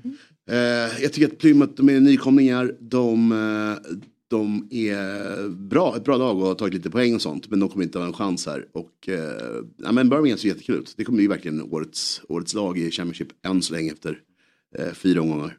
Men eh, där tycker jag verkligen man kan, man kan gå på. Och det är fortfarande bra odds, runt två gånger pengarna på den. Så att, bra att spela även eh, som en... Eh, Och, och med spiken så, du har ju fler spikar på kupongen men det är den som känns lite säkrast va? Ja men lite så. Alltså, så här, Arsenal och United är självklart eh, kupongens absolut största eh, spikar. Sen kommer ju kanske efter Brighton efter två matcher i rad med fyra, fyra mål. Mm. Och jag håller med om de tre matcherna. Men vi måste ju någonstans hitta lite andra vägar. Och då tycker jag, om vi tar bort de här tok säkra spikarna inom, inom parentes. Då tycker jag att Birmingham är ett sund spik där du inte behöver gardera upp det så mycket. Mm. Eh, så det, det tror jag är ett bra spel. Ja. Mm. Och eh, draget den här veckan blir eh, Stoke som ställs mot Millwall bortaplan. Millwall börjat väldigt, väldigt dåligt och eh, det ska vara en singel två där nere i matchen med 11, inte en helgardering. Så mycket, så mycket streck har vi inte. Eh, men, det är det som är draget också. Det är det som är draget också, exakt. Draget är inte en helgardering. Stoke väl i någon form av eh, Barcelona-fotboll och mycket possession-spel som funkar rätt bra. Eh, och de är roliga att titta på, man ska nog följa dem lite grann i år. Eh, och Millwall hackar här i början och har liksom någon eller två spelare ut nu innan matchen. och inte köpt någonting nytt. Så passa på tror jag, ta den där tvåan. Det är lite en, eh, en bra chansning. Låter nästan lite dumt av det här då att gå på ettan och krysset om det är liksom ett bra läge för Stoke. Kanske man ska Ja, jag, prioritera om och lägga alltså, Det är fel tror jag, i eh, grafiken. Okay. det ska vara en singel två där och så ska, vi har bara en helgardering, den är match nummer eh, fyra. Ja. Det stämmer. Fint kvitto på Fabian Åssons utcheckningar. Ja, ja, vi, vi sa ju det alldeles precis innan du ställde frågan. Så att det har blivit fel. Okay. Det ska egentligen vara en tvåa på match 11, inte en helgardering. Ah, förlåt. Nej, det är inget Men så, det är ju det som är draget. Att du precis så. spikar Stoke borta mot Millwall. där vi går okay. på den. Det är lite, lite om chansning. Kanske man ska med krysset för den som har mer tecken. Men jag tycker att det är så här tidigt finns det vissa trender, följ dem. Och så, så får vi liksom ändra det vart eftersom lite grann. Det är min tanke. Yes. Ja och sen så har vi då en liten varningsflagga här på ett lag och det är på eh, Leeds. Leeds blir varningen den här veckan helt klart. Match nummer sex. Tappar spelare, spelare vägrar spela för dem. Eh, det, det, det känns inte superbra eh, där än så länge. Och det kommer Nej. säkert också hinna få in spelare nästa vecka. Championship är lite så att de, de liksom rensar ut den här veckan och sen nödköper de nästa vecka. Så det är verkligen en sån vecka man tittar på mycket vad som händer. Och alla anfallare i Leeds försvinner ju en efter en. Så att Ipswich fortfarande nykomlingar, go i vinden, ligger topp 6 på väg upp. Vilket de inte kommer gå upp såklart. Men eh, hemma mot Leeds, jättestor publikmatch för Tractor Boys. Så det tror jag att det kommer, liksom att, eh, det kommer att eh, tala för Ipswich.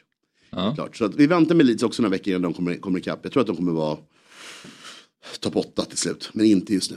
Mm. Där har vi alltså eh, spiken och eh, draget och varningen som gick igenom nu då. Men det finns ju några matcher till som är ganska intressanta tycker jag. Till exempel match nummer fyra. Mm. Everton mot Wolves. Där eh, Everton har börjat riktigt svagt. De har fortfarande inte gjort mål i Premier League. De ligger sist. Mm. Wolves har också börjat med två förluster. Så att de båda, det är ju, det är ju en redan viktig bottenfight. Ja, det är mellan bottenfight och, och jag, jag, lite, lat, lite lat av mig att ta, ta helgardering där. Men jag tror man kan plocka bort Everton där om man ska vara helt ärlig. Uh, uh, nej. nej. nej. 11. 11 är den som är, ska vara, ska det ska inte vara, ska inte vara singelkryss i tvåan. Nej, eh, 11 ska vara en tvåa och match nummer två ska vara en etta. Tack. Ja. ja.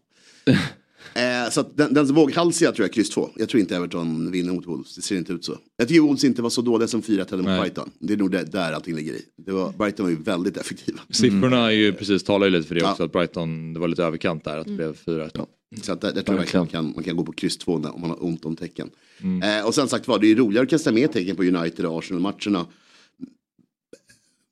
mest för, för, att vara med lite grann om någonting skulle hända. Mm. Eh, så att det, det, är nog mitt, mitt drag. Men jag, jag, jag, kan inte se United eller Arsenal förlora någon av de här två matcherna faktiskt.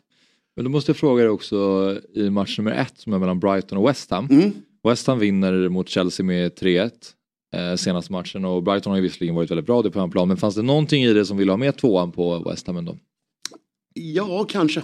Alltså, Brighton har ju, jag vet inte, man, man, man glömmer ju bort liksom hur hur underliga de är Brighton. De förlorar de här typen av matcher. Alltså, ja. Så var det förra året. De var ju jätte, jättebra i vissa matcher. Mm. Men de kom ändå till slut bara sjua. Någonting. Mm. Ja. Och det, there is a reason. Och det här är ju en sån där match där, där Moise kan liksom, när De Serbi får lite fel, då kan det ju säkert bli, bli ganska jämnt. Ja, precis. Och just med tanke på att segern mot Wolves kanske inte var det som det ser ut på pappret. Nej. Att de kanske inte var fullt så bra. Jag har ju West Ham äh, åka ut. Okay. Men, eh, men eh, efter de här två matcherna, jag menar, får ju säga det, är hatten av. Det är jättebra ju. Uh, ja. Bournemouth och... Ja. Eller bra, ja. bra. Men, de, men, de kryssade mot Bournemouth första matchen. Mot ja. Borde kanske vunnit. Mm. Men sen har de ju James Ward-Prowse också som har kommit in i laget, gjorde ju assist. Eh, direkt. Och med han på plan och med alla huvudspelare de har så kan man ju se ett mönster att det kommer att sås rätt mycket inlägg nu. Och eh, funkar det så kan de säkert göra ett, två mål mm. och sen hålla tätt. Så att, äh, lite lurig match helt klart. Jag kan förstå de som är med i tvåan. Mm.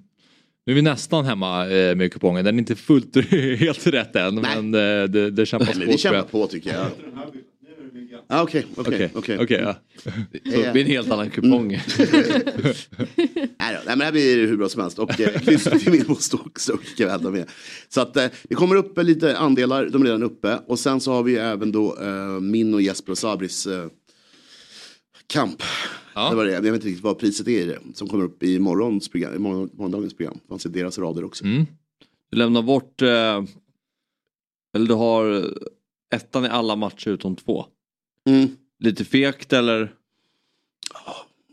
Både ja och nej. Eh, som sagt jag kommer ju ha rader med mer, eh, alltså mer tecken, möjlighet. Det kommer bli mer tvåor helt klart. Men så är det ju ibland på Stryktipset att, att det blir lite hemmatungt. Tittar man på favoritskapet istället så hittar du ju saker där. Men eh, jag kan förstå känslan när man tittar på att man vill ha en jämvikt på tecknena. Jag hör det, jag hör det och ser det Fabian. Jag måste eh, fråga dig Myggan eh, innan vi ska eh, släppa Stryktipset. Den, en till match som är svår är ju match nummer fem tycker jag. Brentford mot Crystal Palace. För, för Brentford har börjat bra. Mm. Men Crystal Palace är ett svårt lag och de är ganska kompakta. De höll nollan länge mot Arsenal. Det blev bara 1-0 på en, på en straff. Eh, och Crystal Palace vann första matchen mot Sheffield ganska komfortabelt. Så, där. så den känns också som att det kan sluta lite hur som helst eller? Om man, om man tar de här fem första matcherna så tänkte jag lite grann på att man skulle liksom ranka bortalagen. Och då satte jag Wolves högst, Crystal Palace tvåa, West Ham Mm. trea. Mm. Så att det är lite, där, det, det är teckenbristen. Okej. Men kanske en gubbe här då, alltså en etta, tvåa. Omöjligt. Eh, Mm. Brentford har ju lite med Brighton-syndromen, att de förlorar när man liksom lite minst anar det. Och kommer verkligen till liv i de här lite större matcherna känns det ju som. Mm. Så att, eh, nej jag, jag hör det och jag tycker de var jättebra mot, eh, mot Arsenal. Men det är ju, vem ska göra målen i Crystal Palace? Mm, nej, se nej, nej, det där var aldrig en tvåa. Det är helt rätt ta tanke där tycker jag.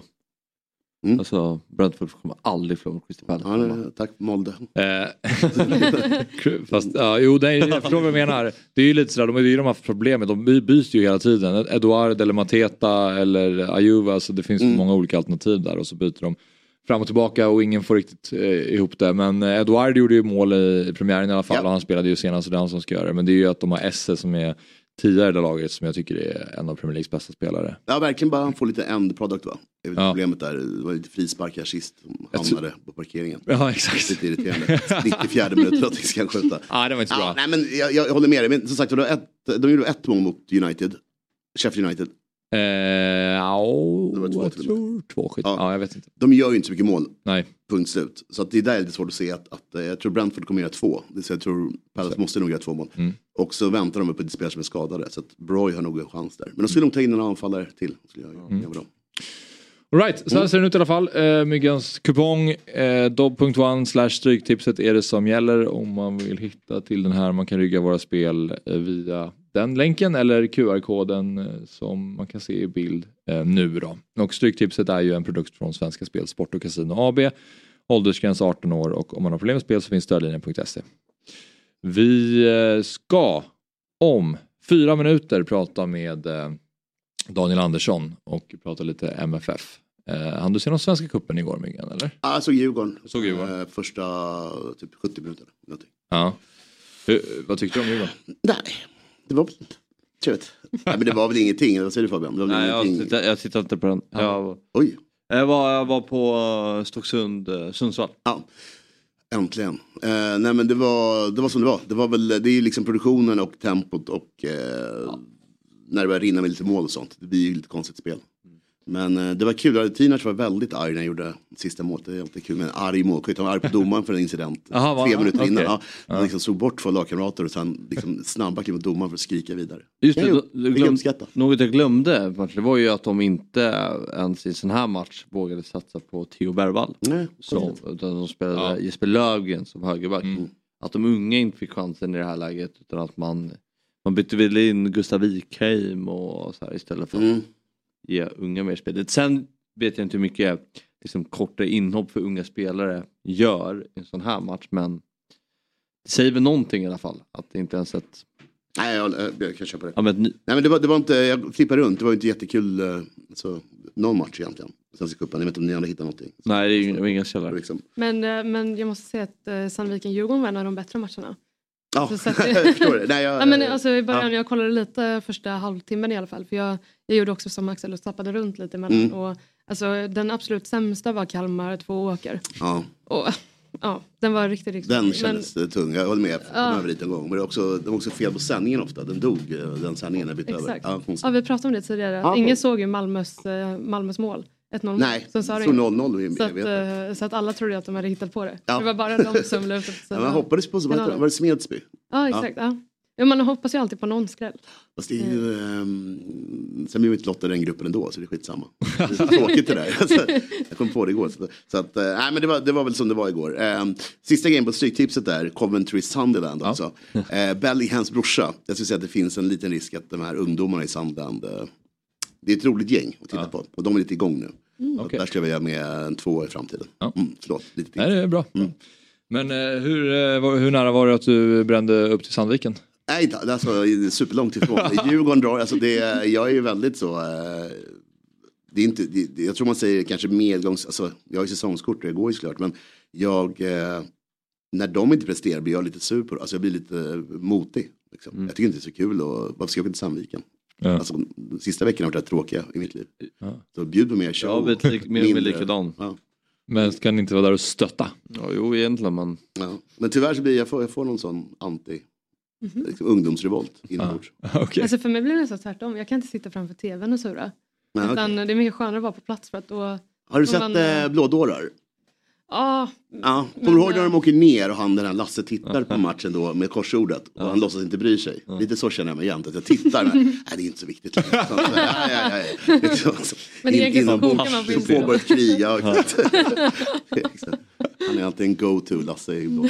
Men har du varit så att du har rest mycket på borta matcher? Och... Nej, det har nog aldrig varit till, till att börja med. Men Sandviken hade ju varit doable. Alltså den, vad är det, två timmar? Ja, det är inte så långt bort. Ja, exakt. Så det, den finns inga ursäkter för. Men samtidigt så är det är ju störigt med matchen som ligger mitt i veckan. Ja, och sen sex också. Så ah. folk komma loss. Vem skulle jag åka med? Jättesvår match att kunna... Kan gå från jobbet mm. tre eller vadå? Ja. Vi, ja. Mm. Det var just tidig avsparkstid också.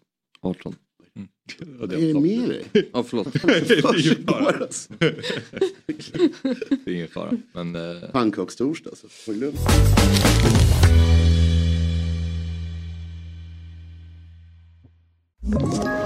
Ett poddtips från Podplay. I fallen jag aldrig glömmer djupdyker Hasse Aro i arbetet bakom några av Sveriges mest uppseendeväckande brottsutredningar går vi in med hemlig telefonavlyssning och, och då upplever vi att vi får en total förändring av hans beteende. Vad är det som händer nu? Vem är det som läcker? Och så säger han att jag är kriminell, jag har varit kriminell i hela mitt liv men att mörda ett barn, där går min gräns. Nya säsongen av Fallen jag aldrig glömmer på Podplay. Nu ska vi prata med en person som eh, vet hur det känns att vinna. Man skulle nästan kunna säga att han är expert på att vinna eftersom han har gjort det så många gånger. Vi pratar såklart om Allsvenskans mest framgångsrika sportchef som just nu rustar sitt MFF för ännu en guldstrid. Eh, jag pratar såklart om Daniel Andersson. Eh, god morgon och varmt välkommen till Fotbollsmorgon. God morgon, god morgon. Tack så mycket. Du, eh, om vi börjar med gårdagen bara. Eh, vi sa att vi, jag och Elsa satt och sappade runt mellan eh, Svenska cupen-matcherna för att hitta där det fanns något litet skrälläge och i er match så stod det i alla fall 0-0 ganska länge. Han du få upp någon eh, puls eh, Daniel? Eh, nej, jag trodde väl att det skulle lösa sig till sist men eh, nej, vi gjorde väl ingen jätteinsats där. Men det gick väl vägen till sist. Sen, ja, det är alltid svårt att komma ut och och möta de här lagen. Det är årets match för dem och de fightas. Och, så det är en charm i det också. Mm, mm. Ja precis. Vad, vad, vad, säger du mer eh, om, om Malmös insats igår? Var det lite den känslan för att det var Svenska cupen att spelarna gick lite på halvfart eller vad, vad tar du med dig? Uh, nej, nej alltså vi, vi hade ett rätt så nytt lag och, som spelade men fick väl inte riktigt upp bolltempot som vi ville tänker jag i alla fall i första halvlek. Och, Eh, Eh, de hade ju också något läge där de kunde satt den. Så att, ehm, men eh, sen i andra tyckte jag vi växlade upp mer och mer och gjorde två mål. Men det är klart att vi skulle gjort en ännu bättre insats. Mm. Många som är givetvis nyfikna på er senaste, er senaste nyförvärv Oliver Berg som anslöt från Djurgården nu. Det var ju mycket snack om det där speciellt med tanke på att han också kommer med Djurgården ner till Malmö och ska spela mot er, sitter på bänken då. Eh, Rydström eh, dementerade att det var någonting på gång och alla gjorde väl det i stort sett. Sen dagen efter så var han klar för er. När började ni prata med Oliver om en eventuell övergång? Uh, ja men vi fick uh, någon vecka innan en kontakt från agenten uh, och sa att det skulle kunna vara en öppen, öppning och sen så ja, sen började vi diskutera lite så smått med Djurgården men blev väl inte helt klara förrän efter matchen. Mm. Var det liksom helt givet för er då när agenten öppnar upp det att ni, att ni ville ha Berg till er? Uh, ja men alltså det är en väldigt duktig spelare och Henrik uh, har ju haft han sen innan mm. och känner han väl. Och vi, vi, känner väl att vi vill ha något alternativ till framåt så att uh, det känns väldigt bra tycker jag.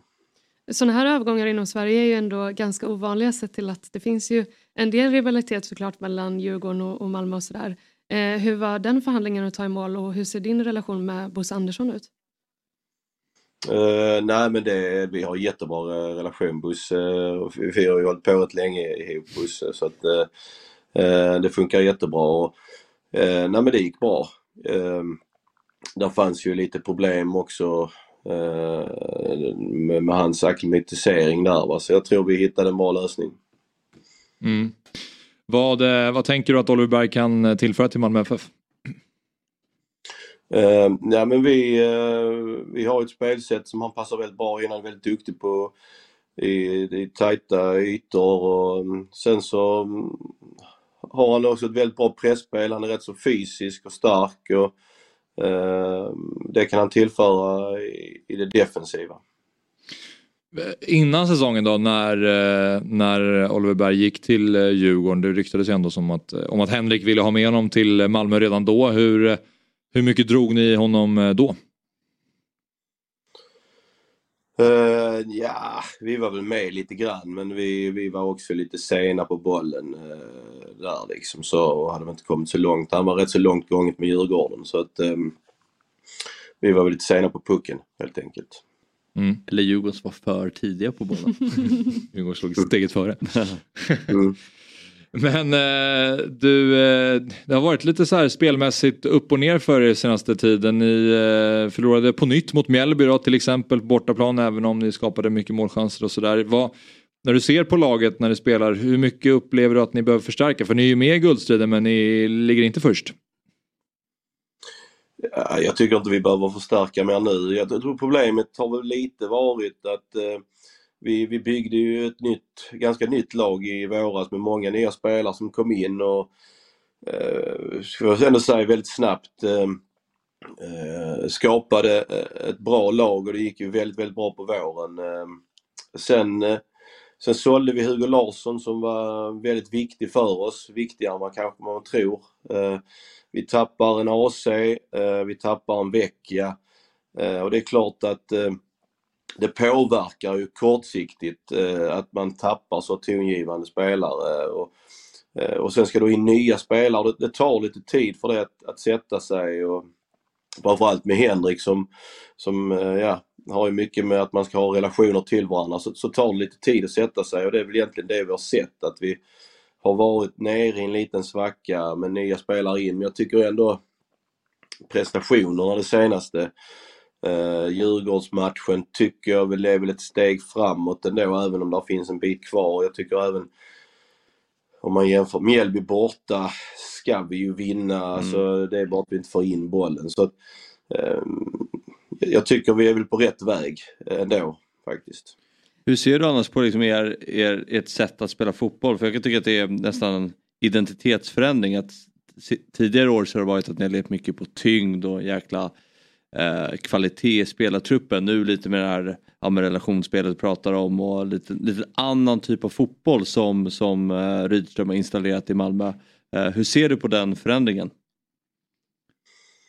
Uh, ja, men det är klart. Jag, jag, tycker inte det är så stor skillnad uh, ändå sen innan utan vi har väl alltid velat dominera matcherna. Det oh. är väl att man, man uh, man dominerar ännu mer nu med Henrik sätt att man spelar ännu närmare varandra. Mm. Och, och, och sen, sen såklart eh, det gäller att hitta en mix i det och det, det tror jag också att vi, vi vill. Liksom eh, att, att kunna vara lite direktare emellanåt än vad vi är. Ehm, så det är alltid, alltid svårigheten när man, när man spelar att, att det är värderingar för spelarna gör. Hur snabbt ska man gå framåt i banan och när ska man göra det? Um, jag tycker under vårsäsongen så, så var vi väldigt bra på att kombinera det.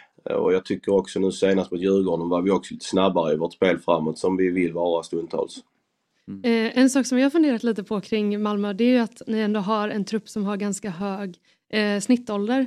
Eh, nu lånar ni också ut eh, Hugo Bolin till Degerfors och jag har också funderat på att de tre spelare som jag kan komma på som har någonstans kommit tillbaka till Malmö efter ett lån och levererat har ju varit ja, Pavel Sibici, eh, Nanasi och eh, Ahmed Hodzic. Eh, men jag kan inte minnas jättemånga fler spelare som någonstans ändå har kommit tillbaka till Malmö efter ett lån och, och någonstans fått speltid. Eh, hur tänker du på att ni har ändå en av Sveriges bästa akademier men det är ganska svårt för era talanger att få speltid i, i Malmö? Ja men det är alltid den svåra balansgången eh, att eh, framförallt när man ska slåss på två fronter som vi har gjort under många år när man ska spela i Europa så krävs det en bred trupp. Eh, och då blir det ännu svårare för de unga att ta plats, att om det finns många etablerade spelare där. Men jag tycker de senaste åren så har vi ändå fått fram eh, eh många unga som du själv har nämnt innan. Eh, Eh, vi har ju varit iväg som vi har sålt också. Sen, sen nu, Hugo Larsson är ett bra exempel. Nanasi ett annat och sen har vi fler på gång. Så att eh, eh jag tycker också att truppen har föryngrats. Vi har ändå bytt ut en hel del. Sen kan man inte föryngra för mycket i, i för snabb takt. Så att eh, vi håller på att generationsväxla, det tycker jag. Är det svårt att göra den typen av generationsväxling? Jag tänker att väldigt många av de spelarna som var med förra säsongen eh, kanske var lite mätta och det gjorde någonstans att ni hamnade på en sjunde plats blev det till slut va? Eh, och i år så ser man ju att många nya fått chansen och, och sådär men att det då kanske också blir när man tar in lite fler unga spelare att det kommer formsvackor som ni kanske har drabbats av lite nu? Uh, ja, alltså jag tror snarare att man har många nya in liksom. Att vi, man får respekt för det. Att vi liksom har, uh, att man skapar ett nytt lag. Uh, åldern där i sig tror jag inte spelar in. Men jag tror det är viktigt att ha en bra mix. Alltså, vi har ju märkt det när vi varit ute och spelat i Europa. Då behöver man ju några rutinerade spelare för att kunna ta sig hela vägen.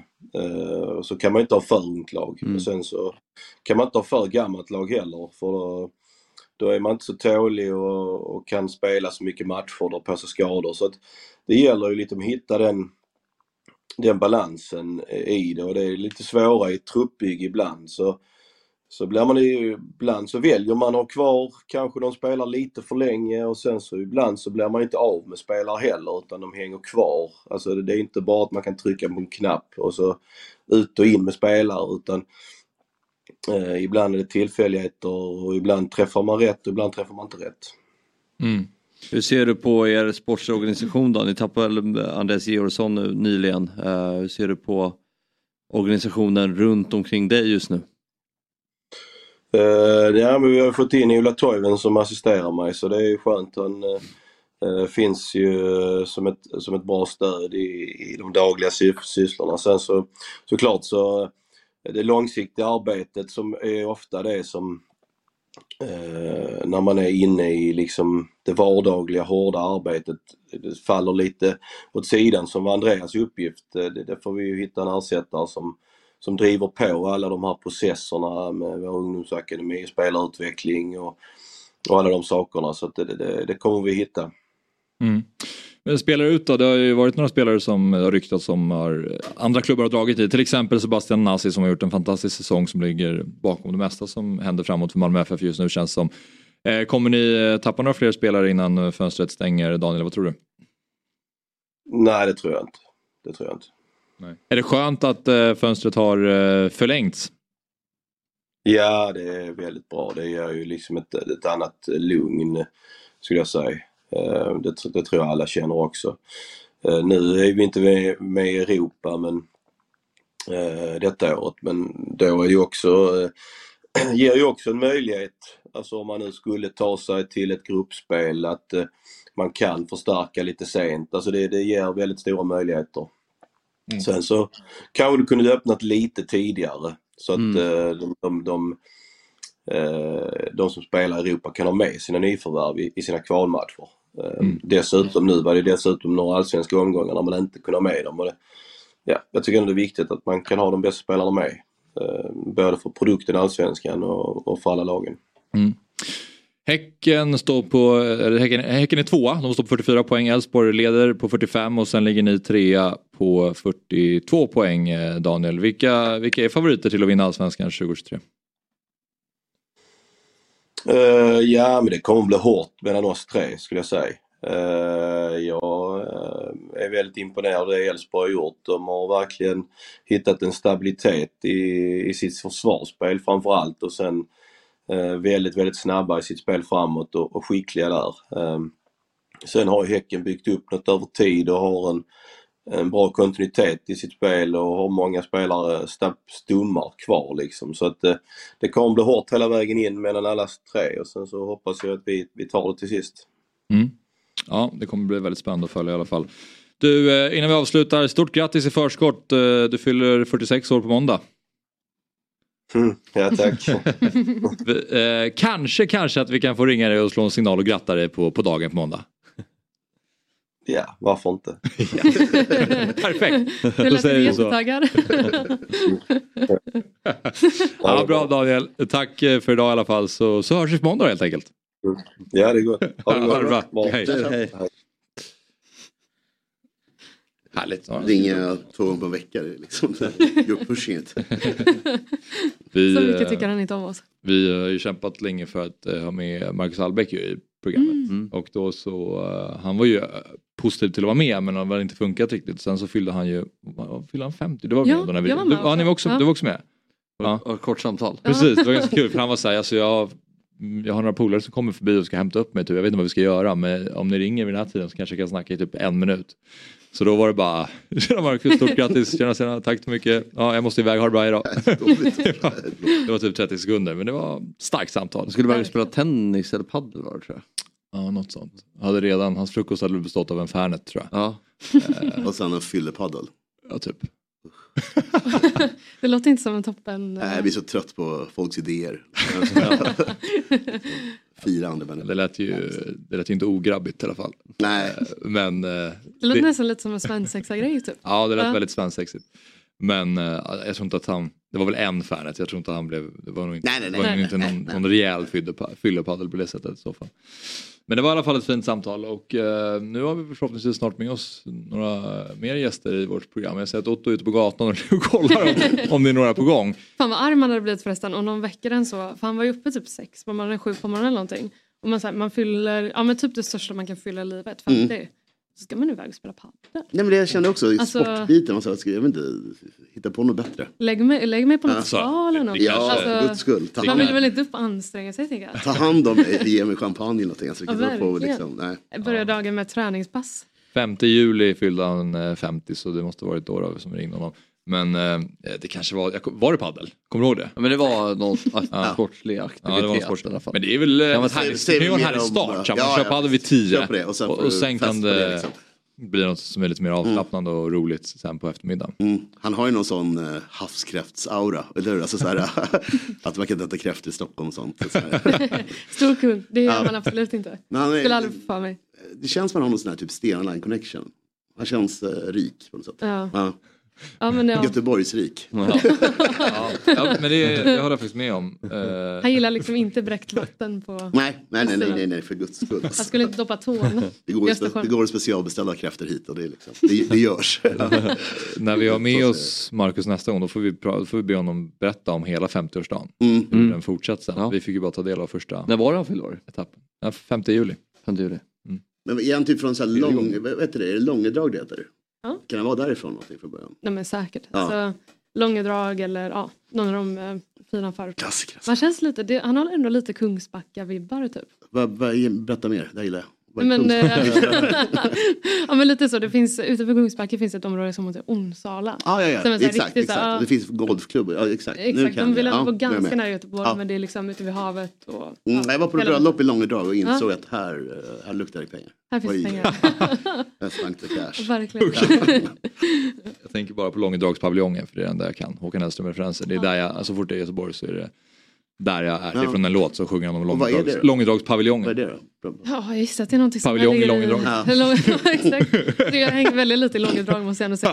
alltså, men, eh, men eh, någon gång har man väl stannat med spårvagnar ut när man ska bada vid Saltholmen. Liksom. Ja, men, det är eh, långt, var långt ut. Ja, inte jätte, alltså det är ganska nära stan men alltså, du, du åker inte dit om du inte har ett ärende Nej, där. nej det förstår jag. Det förstår jag. Mm. Men ja, fint område. Så här är det ju då att eh, klockan är 08.32. 08.30 är ju våran slott i programmet för eh, Stefan Silva och Garip Gynes då som eh, eh spelar, eller en del av Rinkeby United. Och det tänker att vi ska prata om det laget också eftersom eh, dokumentärserien Välkommen hem eh, släpps nu på TV4 eh, om en vecka ungefär. Men eh, får se om de är på G. Eh, jag vet inte riktigt. Jag vet att Otto är ute och letar efter dem. Så vi kan väl eh, kanske ta vid lite på... Eller hade du något annat? Nej, jag tar vid alltså, på... på MFF tänkte jag. Ja. Mm. ja.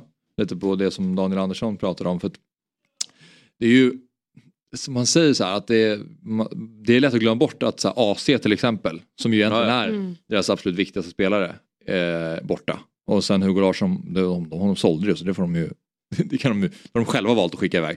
Men de har ju tappat bärande spelare och sen så får det väl ta en tid för här Berg Jonsson att komma in i laget, Jörgensen och sådär. Mm. Så, och det har man ju verkligen märkt att det känns som att det har varit Kristelin lite slutar göra mål på allting som mm. skjut. Alltså, ja. Vecka borta i tre månader. Alltså. Ja. ja, det är klart. Två månader. Och jag tycker inte att Malmö är så mycket sämre nu än vad de var innan säsongen. Jag tycker att det var de, de, de gjorde mål på allt nästan mm. kändes som. Och de hade ju extremt flyt också. Ja. Alltså väldigt många matcher såg man ju att så här, okay, men typ BP borta så var de ju det sämre laget, alltså den matchen.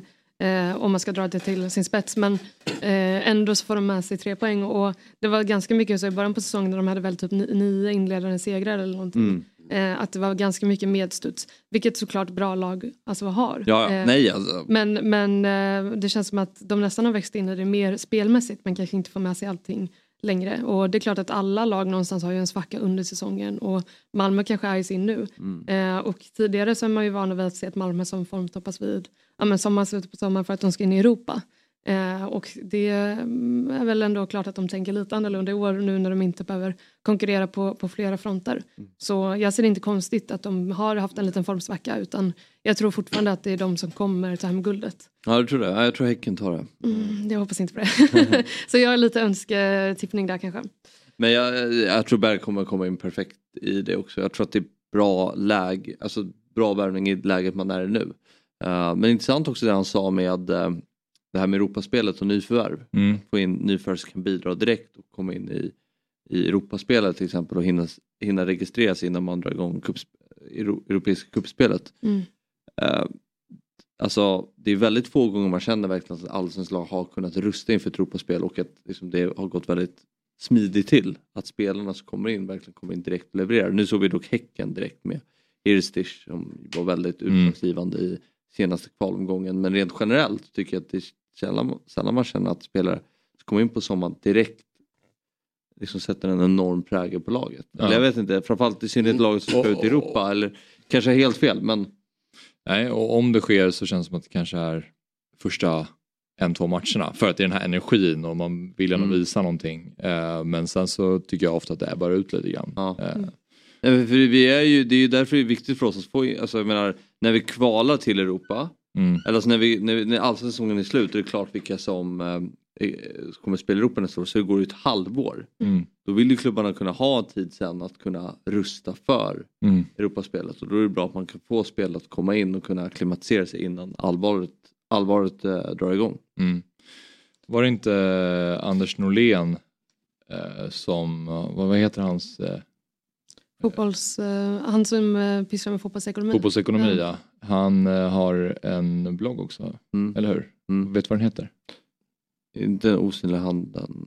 Är det, det är väl, heter den osynliga handen? Det, det, är nog någon annan som har... Okay. Men han skrev i alla fall då en text som du skickade till mig tror jag, som mm. handlade lite om just det som du pratar om. Att, man pratar ofta om att så här, ja, men vi ska satsa på Europa och det innebär att köpa massa nya spelare.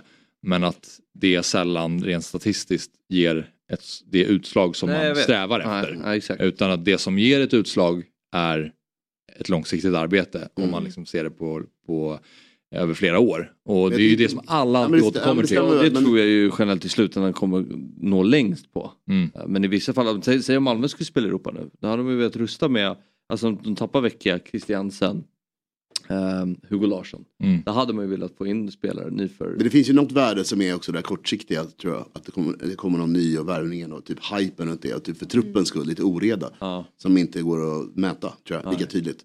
Som mm. i mål assist. Exakt. Men, men alltså konkurrens, allt möjligt. Och liksom, jag tror för publikens skull att det händer någonting. Att det mm. känns som att man satsar. Känner man, som att inte det blir mål eller mer poäng så är det lite skitsamma.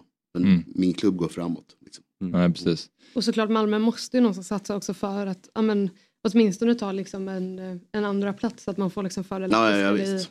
spel i Europa. Alltså så. Ehm, det märker man ju att eh, det har de gjort åtminstone i år och det, det är ju inte någonting som de är vana vid. Nej, nej, nej, nej nu är det kniv mot sig så det måste ju Ja. ske. Mm. Mm. Jag minns när Malmö tog in Ranegi. Det tyckte jag var häftigt. Tog honom från Häcken. Mm. Och han kom in direkt och levererade. Uh, verkligen. Mm. 2000, vad kan det vara, 2010, 2011 någonting. Jag vet inte länge sedan. Det var inför Champions League-kval. Nu gick de inte hela vägen men då verkligen rustade de för att Mm. nå Champions League. Eh, men nej, mycket inte. Det är. Han är, för bara så att det blir rätt, han heter Anders Norlén och man, om man vill hitta till hans blogg så är det lättast att gå in på hans Twitter eller på hans X-konto då. Eh, och där heter han Anders Norlén, det är liksom det är han som är hans namn också. Så att sök på honom, där är ganska mycket intressanta artiklar som kommer ut också Verkligen. angående just fotbollsekonomi och egentligen det mesta kring fotboll.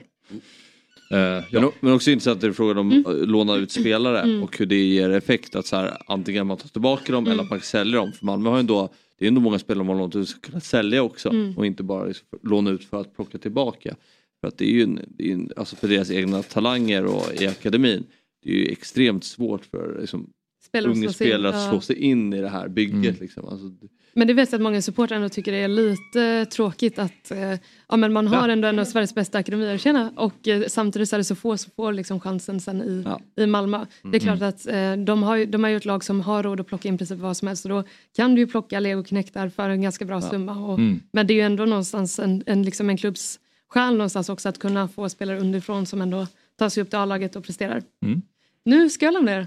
All right, Ja. Elsa stort tack för idag. Tack själva. Vilken Så, morgon. Ja verkligen. Vi eh, ses nästa vecka då hoppas jag. Ja, men det gör vi. Ja, Det gör mycket bra. Nu har vi fått eh, besök.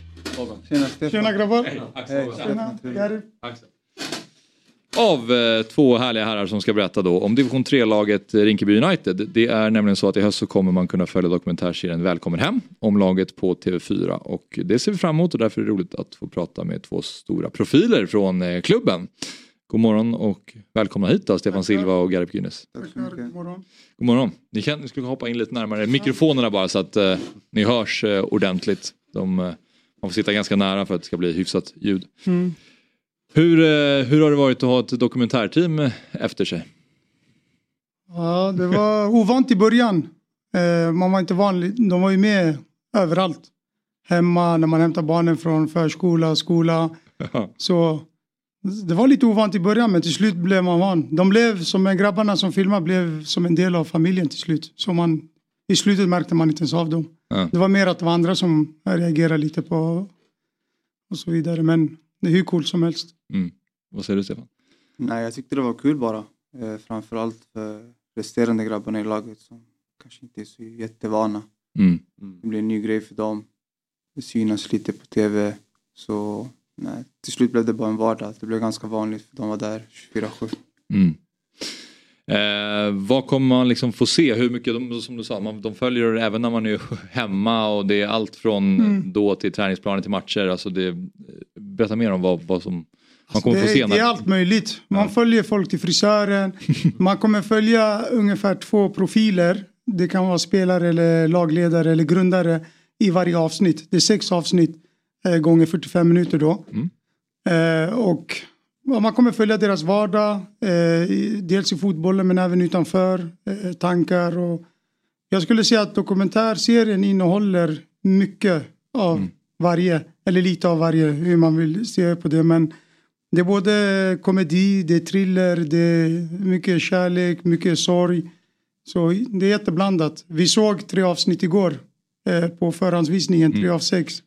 Och det var hur bra som helst, bättre än förväntat. Mm. Eh, riktigt bra. Och eh, man kanske inte ska avslöja för mycket men visst är de med er hela vägen in i slutet på förra säsongen också? Ja, de är med in till eh, sista dagen för oss som klubb också. Ja. För året i alla fall. Ja. Så de var med från start till slut. Det är en väldigt eh, rafflande avslutning på förra säsongen Ja, som ni har. Det blev, det, de, de hade ju inte räknat med kvalmatchen. Så de fick klippa massa annat filmmaterial för att få med den sista kvalmatchen som blev en, ja jag vet inte, mitt hjärta håller på att stanna flera gånger under den dagen. Jag glömde bort min son i publikhavet. Eh, alltså den var, den var sjuk, jag vill inte säga för mycket men de hemma som kommer titta på den kommer hänga med liksom också vara jättespännande eh, och nervösa. Eh, så det blev en, ett, ett eget avsnitt där. Mm. Kvalmatchen. Vad tror du, eller vad tror ni eh, den här dokumentären kommer förmedla för känsla till liksom, tittarna? Jag tror framförallt att de får en annan syn av eh, själva området Rinkeby. Eh, hur personer jobbar i området och eh, alla positiva saker som händer där ute och vad eh, klubben också betyder för människorna. Inte bara för Rinkeby utan som en lite mer negativt stämplad förort överlag.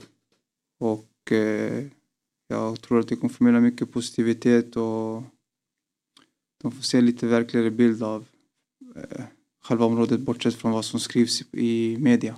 Mm. Precis. Mm. Ja, jag, jag känner likadant som Stefan säger här att vi vill vara en positiv kraft i området. Mm. Vi vill också visa på den fina sidan av Rinkeby. Hårt arbetande människor, eh, bra människor som, som, finns på alla andra ställen.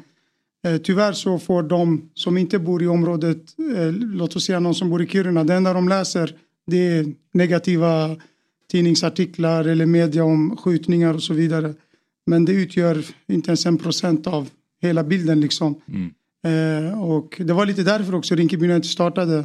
Mm. Eh, just för att vara en positiv kraft och ett alternativ till det destruktiva. För att vi, vi ville värva åt oss ungdomar. Det fanns andra som värvade åt ett annat håll, negativt håll. Så vi ville vara en, ser man, slagkraft, motkraft Mm. mot det destruktiva. Mm.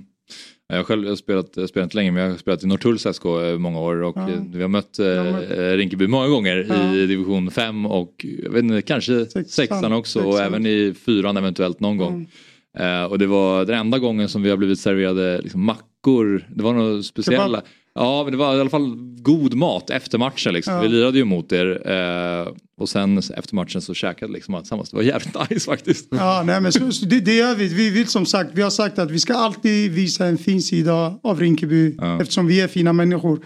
Så vi har sagt att vi, de som vill sponsra och köpa eh, våra supportrar, de får jättegärna göra det. Motståndarlaget, domarna och motståndarlagets ledare och vissa av fansen till och med bjuder vi på, eh, på kebab och vi har Adnan som håller i grillen. Så det har vi gjort under alla år. Hur länge har du varit verksam i föreningen? Sen det startades, Ja. jag har varit med och grundat, jag och några barndomsvänner grundade Vilket år var det? 2012 egentligen, men jag tror vi kom in på seriespel 2013 eftersom vi alla var färska inom föreningsliv. Vi hade aldrig startat ett fotbollslag tidigare, visste inte ens hur man gjorde. Nej. Så när vi bestämde oss för att starta laget, det året hann vi inte anmäla in ett lag. Eh, Så det blev året efter, eh, säsongen efter. För som sagt, vi var helt färska. Någon av oss ringde till socialkontoret och sa vi vill anmäla ett lag till Rinkeby-Kista stadsdelsförvaltning och de sa ni har kommit helt fel, det är inte oss ni ska ringa. Eh, Så man fick, det var på den nivån. Lärorikt ja. Ja, det var den nivån så vi fick liksom ringa oss fram. Till slut så gick det och idag är vi här. Ja. Men eh, Stefan du då, du har ju ändå spelat fotboll på väldigt hög nivå, spelat i Italien, i Turkiet, spelat i Allsvenskan eh, och sen så valde du att gå till Rinkeby United då. Vad, hur gick tankarna för dig när du valde att ansluta till klubben? Eh, det var ju känsligt eh, från båda håll. Eh, för att jag avslutade ju mer eller mindre min karriär där. Mm. När jag tog det beslutet. Så det var blandade känslor. Mm. Sen så visste jag om också hur mycket det skulle betyda för mina vänner som spelar där. Eh, mina vänner som jobbar runt omkring klubben. Och mina vänner som hejar på det laget. Utan, alltså, det är ju så som folk hejar på AIK, Real Madrid. Folk hejar på Rinkeby United. Mm. Och jag ska vara ärlig, jag tror att en vinst i Rinkeby United för en Rinkeby-supporter betyder mer än vad det skulle göra för en annan supporter. Mm. Det är den bilden jag har fått i alla fall. Det är så mycket känslor. Det går inte att beskriva. Så det var en skön känsla för mig också att se glädjen i mångas ansikten när jag anslöt till klubben. Så det var, posit- det var, blandade, det var blandade känslor. Mm. Ja, nej, som du säger, på ett sätt blir det ju som att avsluta karriären även om du fortsätter, fortfarande lirar då. Hur gick tankarna då när du kände men nu, nu tror jag sluta spela elit, elitfotboll i alla fall? Det var tufft men det var för mig mycket att acceptera också. Att det, kroppen ville inte mer. Eh, min just då, där och då kände jag typ eh, kommer jag kunna träna fem, sex gånger i veckan, eh, vara ett fulltidsproffs och spela match, kommer kroppen hålla? Den höll inte sista två åren i AIK. Så då tänkte jag, är det värt att fortsätta? De eh, alternativen jag hade var att eh, flytta utanför Stockholm, eh, flytta till eh, länder där jag kände att eh, det var inte värt. Nej. Så det gjorde det kanske lite enklare. Sen så är det ändå jobbigt. Jag hade, jag hade inte tänkt att livnära mig på något annat än fotboll eh, när jag var 30, 31 år gammal. Mm. Jag hade ju tänkt göra det några år till. Mm. Eh, jag hade ju möjligheten att fortsätta kunna livnära mig på fotboll men eh, det var inte värt. Jag behövde hitta glädjen också. Mm. Och det gjorde jag här. Och eh, nej, så jag, jag, jag, idag är jag glad över mitt val. Mm. Hur mår kroppen idag då? Kroppen mår inte så bra idag. Okej. Eh, Det blev ju en, en omväxling också. Det är skillnad på att träna på Karlberg och träna på Knutby. Mm. Jag tror att kroppen... Eh, jag kan ju inte träna varje träning med Rinkeby heller. Nej, okej. Eh, ljumskarna ser ifrån. Eh, sen blir det annorlunda. Du tar inte hand om dig på samma sätt som du gjorde när du Mm. spelade på elitnivå. Mm. Men kroppen är inte där, men jag klarar av att spela matcher nu. Jag var varit borta nästan hela det här året. Jag har hunnit spela en tre, fyra matcher. Så... Men det är åtta matcher kvar nu och jag, förväntas, jag förväntar mig själv spela alla matcher. Så jag känner att vi, jag vill ändå prata lite om slutet på förra säsongen och eh, därför måste man också, för att kunna prata om det som händer för er den här säsongen så får vi gå in på det. Så att vi får väl säga spoiler alert till de som vill se det här hända i, i serien då. Men det var ju den här eh, kvalmatchen mot Sundbyberg där det var fullt ös, 1500 matcher på plats. Eh, du blev utvisad till att börja med Stefan. Kan du få berätta om utvisningen? Var... ah, nej jag... Eh, det var mycket känslor innan, redan innan matchen. Jag tänkte ja, det kom- kommer bli jag som tar upp laget. Det kommer jag som avgör matchen. Och det har varit mycket snack fram och tillbaka att ja, vi ska ta Stefan den här matchen. Eh, vi ska skada honom efter fem minuter. Och jag kände redan efter två, tre minuter, okej, de här är på mig. Jag kommer vara tuff tillbaka. Och jag ska vara ärlig, en kille höll i mig så grovt så jag skulle slå bort hans arm. Jag prickade han på armbågen. Kolla, jag fick mer ont än han. Jag bröt handen. Jag hann platta i handen med, med fyra skruvar. Men han fick ondare än vad jag fick. Tydligen. Jag slog han på armbågen, jag bröt handen. Jag blev utvisad. Jag satte hela laget i skiten. Ja. Så det var... Om det var någon gång jag mådde dåligt under året så var det just de minuterna under matchens gång. Hur gick dina tankar där då Garip? Ja, det, var, det var då första gången hjärtat stannade. Jag tänkte nej, allt det vi har gjort hela året. Och eh, fan, det, alltså, det var som luften gick ur. Det var lika med att okej nu blir det torsk, vi kommer inte gå upp. För som Stefan själv sa, alla hade förhoppningar om att det är Stefan som ska ta upp oss. Vi har varit mållinjen flera gånger året innan och åren innan att ta klivet upp till trean. Men nu när Stefan kom, okej nu är det liksom, nu händer det. Och sen när det där blev, alla, alltså jag var ju jättechockad. Jag höll på att tappa det liksom. Jag bara, va? Stefan av alla, vår bästa spelare. Det är liksom, det är Superman. Det är som att ha med sig Superman i sitt lag. eh, och sen, men samtidigt, det går inte heller att bli arg. Hade det varit en annan spelare, jag hade flippat. Men på Stefan kan man inte bli arg. Han, är, han är som han är. Eh, men sen fortsättningen, alltså det var nästan som att det, det, ödet var planerat att det skulle va- vara så. Det, det, det är sjukt, det som kommer efter sen. Ja precis, för då är det ju eh, Bodajari som kliver fram. Ja, Eller hur? Och eh, gör ett mål som väl avgör matchen. yes. Ja. Ja, han, han dundrar in den. Vi behövde ett till mål för att målskillnaden skulle vara avgörande. Just det. Så vi ledde ju 1-0 med en man mindre. Så, och de behövde göra typ fyra mål för att gå vidare. Mm. Men ändå alltså, dödade de sig själva i minut 90 för att vi inte ska göra det här 2-0 målet. Ja, okej. Ja. Så ja. De spelade mer på liv och död än vad vi gjorde. Det var det som triggade oss andra lite. På sidlinjen också, vad fan, varför, varför dödar ni er själva? Ni har inget att spela för. Ni har inte gjort ett mål på 90 minuter och ni står och dödar er. Tror ni ska göra fyra mål på ja, någon övertidsminut. Ja. Så liksom, man såg verkligen som Stefan säger att jag tror de har bestämt sig för innan matchen att de här jävlarna ska ingenstans. Vi ska catcha dem, vi ska ta dem. Och de spelade därefter. Och man kan inte beskylla dem, det, det är fotboll. Ja. Gör vi vårt jobb så får de spela som de vill. Mm. Och det gick ju vägen.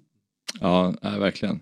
Vad, eller... Nej, men jag tänkte på just det här med att det låter ju väldigt viktigt att ni skulle ta steget upp till mm. division 3. Hur, alltså om man tar liksom det samhällskraften som Rinkeby United mm. Eh, bidrar med kontra liksom att få sportsliga framgångar att avancera seriesystemet. Hur, alltså jag tänker den balansen. Från, från starten av eh, bildande av klubben, eh, jag personligen och några av mina vänner som också var med och startade eh, klubben kom till, inte egentligen för det sportsliga. Nej. Alltså att ja, nu ska vi starta ett lag som ska upp i seriesystemet.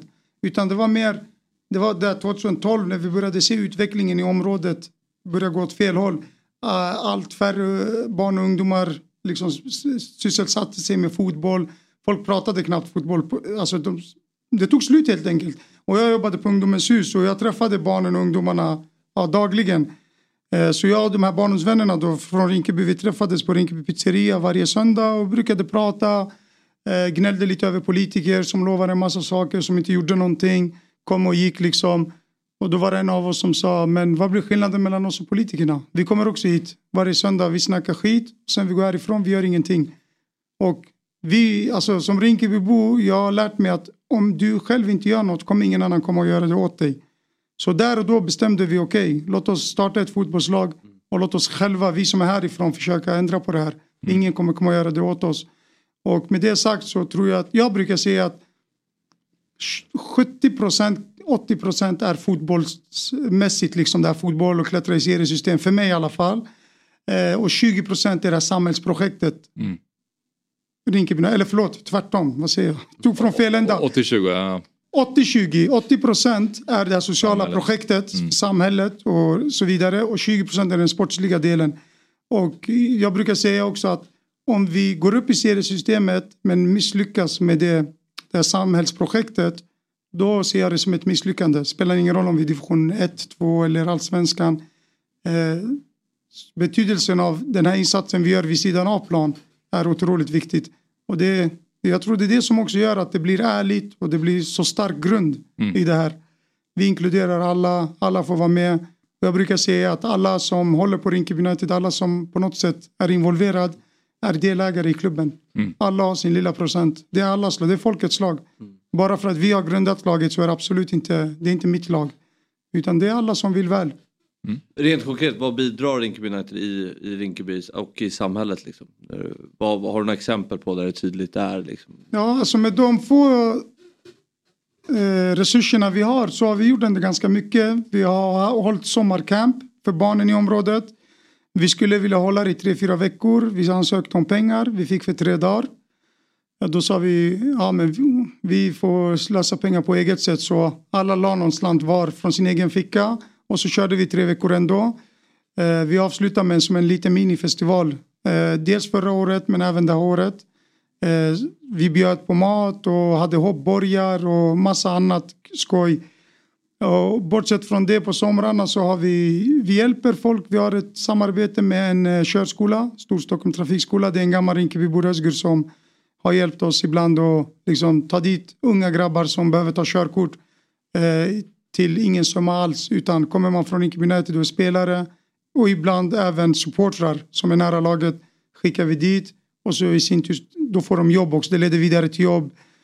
Eh, vad är det mer då? Det, det är mycket annat mm. som jag inte kommer på nu men det, jag säger, vi är en familj, vi har en chattgrupp på 60-70 eh, personer runt om i laget, spelare, ledare, supportrar där vi hjälper varandra. Någon kan skriva, är det någon som vet vart jag kan ta truckkort? Är det någon som har, vet något jobb som är ledigt? Mm. Och så liksom de 60 når ut till 6 000 eller 60 000. Mm. Ja. Men det fotbollsmässiga då, ni gick ju eh, och vann då, då den matchen till slut mot Sundberg och gick upp till division 3 och nu är det lite kämpigare och ni ligger på nedfrysningsplats just nu. Eh, berätta lite mer om den här säsongen. Då. Säsongen, mitt mål var i alla fall att hålla oss kvar och sen hade vi några i laget självklart. De ville ju ta klivet upp. Men vi måste ändå vara realistiska. Vi har inte funnits så länge och vi har spelare kvar i laget som har spelat med oss sen division 6, sen sjuan. Eh, och de har utvecklats i takt med Rinkeby United. Eh, och så Nej, men vi, visst, vi krigade, vi, jag tänkte vi ska kriga för oss och hålla oss kvar, etablera ett år i ettan, två kanske och sen eh, i trean och sen ta oss upp. Eh, men det började ganska svårt, eh, blev lite torsk. Jag tror inte vi var, vi var inte nog förberedda på tempot okay. i division 3. Mm. Eh, för det är en stor skillnad mellan fyran och trean skulle jag säga. Så det blev lite som ett bakslag. Dessutom gå från STFF till SVFF. Precis, att man precis. lämnar liksom Ja, det var massa krav och sånt. Och det, det var liksom stressat, stressigt för oss runt laget innan ja. säsong. Ja. Men då skulle det finnas eh, kravallstaket och, okay. och våran fotbollsplan, Knutby bollplan, är inte anpassad för sånt spel. Nej. Den är byggd helt fel. Uh, ingången till Knutby bollplan är precis bakom bänkarna.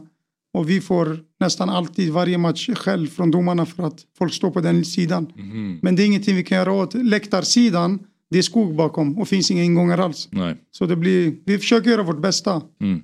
Ja, jag förstår det. Ja okej, okay, men då är Stefan på väg tillbaka i alla fall och ska du får rädda kvar laget i division 3 då snarare istället ja. för att avgöra upp till, till trean. Nu har jag fått vara med i, vad blir det, tre matcher i sträck.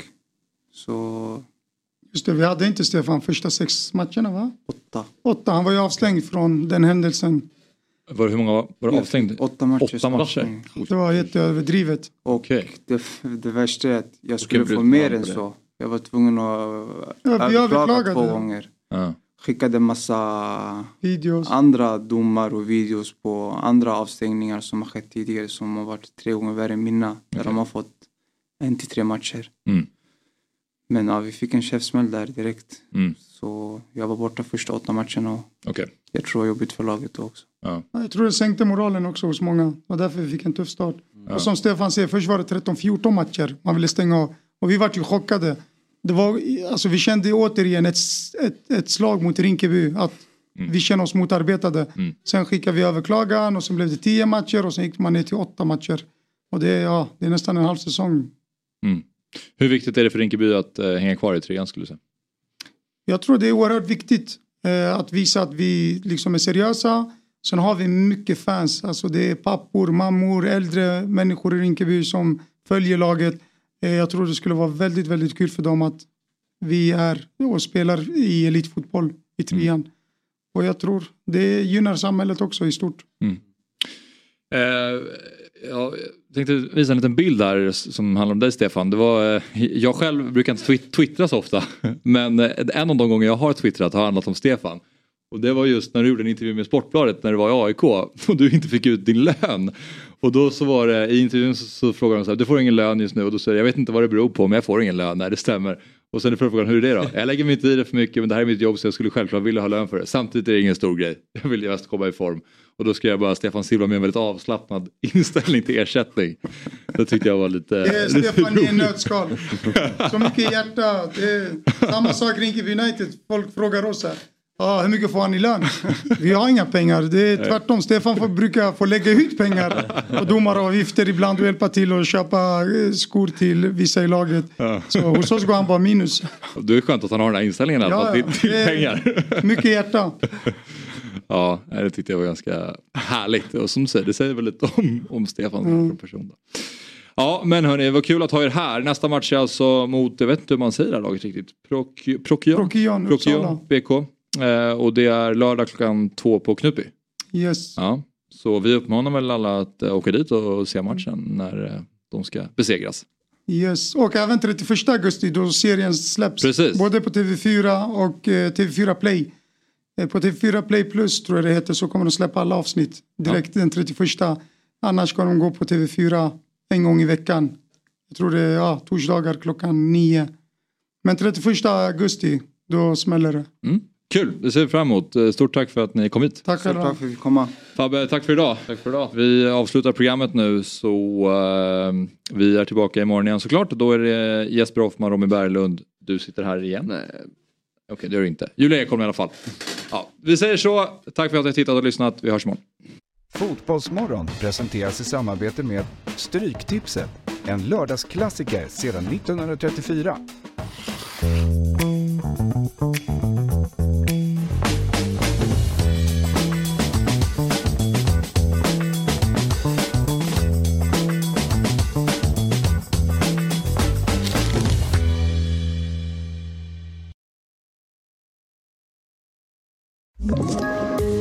Poddtips från Podplay. I fallen jag aldrig glömmer djupdyker Hasse Aro i arbetet bakom några av Sveriges mest uppseendeväckande brottsutredningar. Går vi in med hemlig telefonavlyssning och, och då upplever vi att vi får en total förändring av hans beteende. Vad är det som händer nu? Vem är det som läcker? Och så säger han att jag är kriminell, jag har varit kriminell i hela mitt liv men att mörda ett barn, där går min gräns. Nya säsongen av Fallen jag aldrig glömmer på Podplay.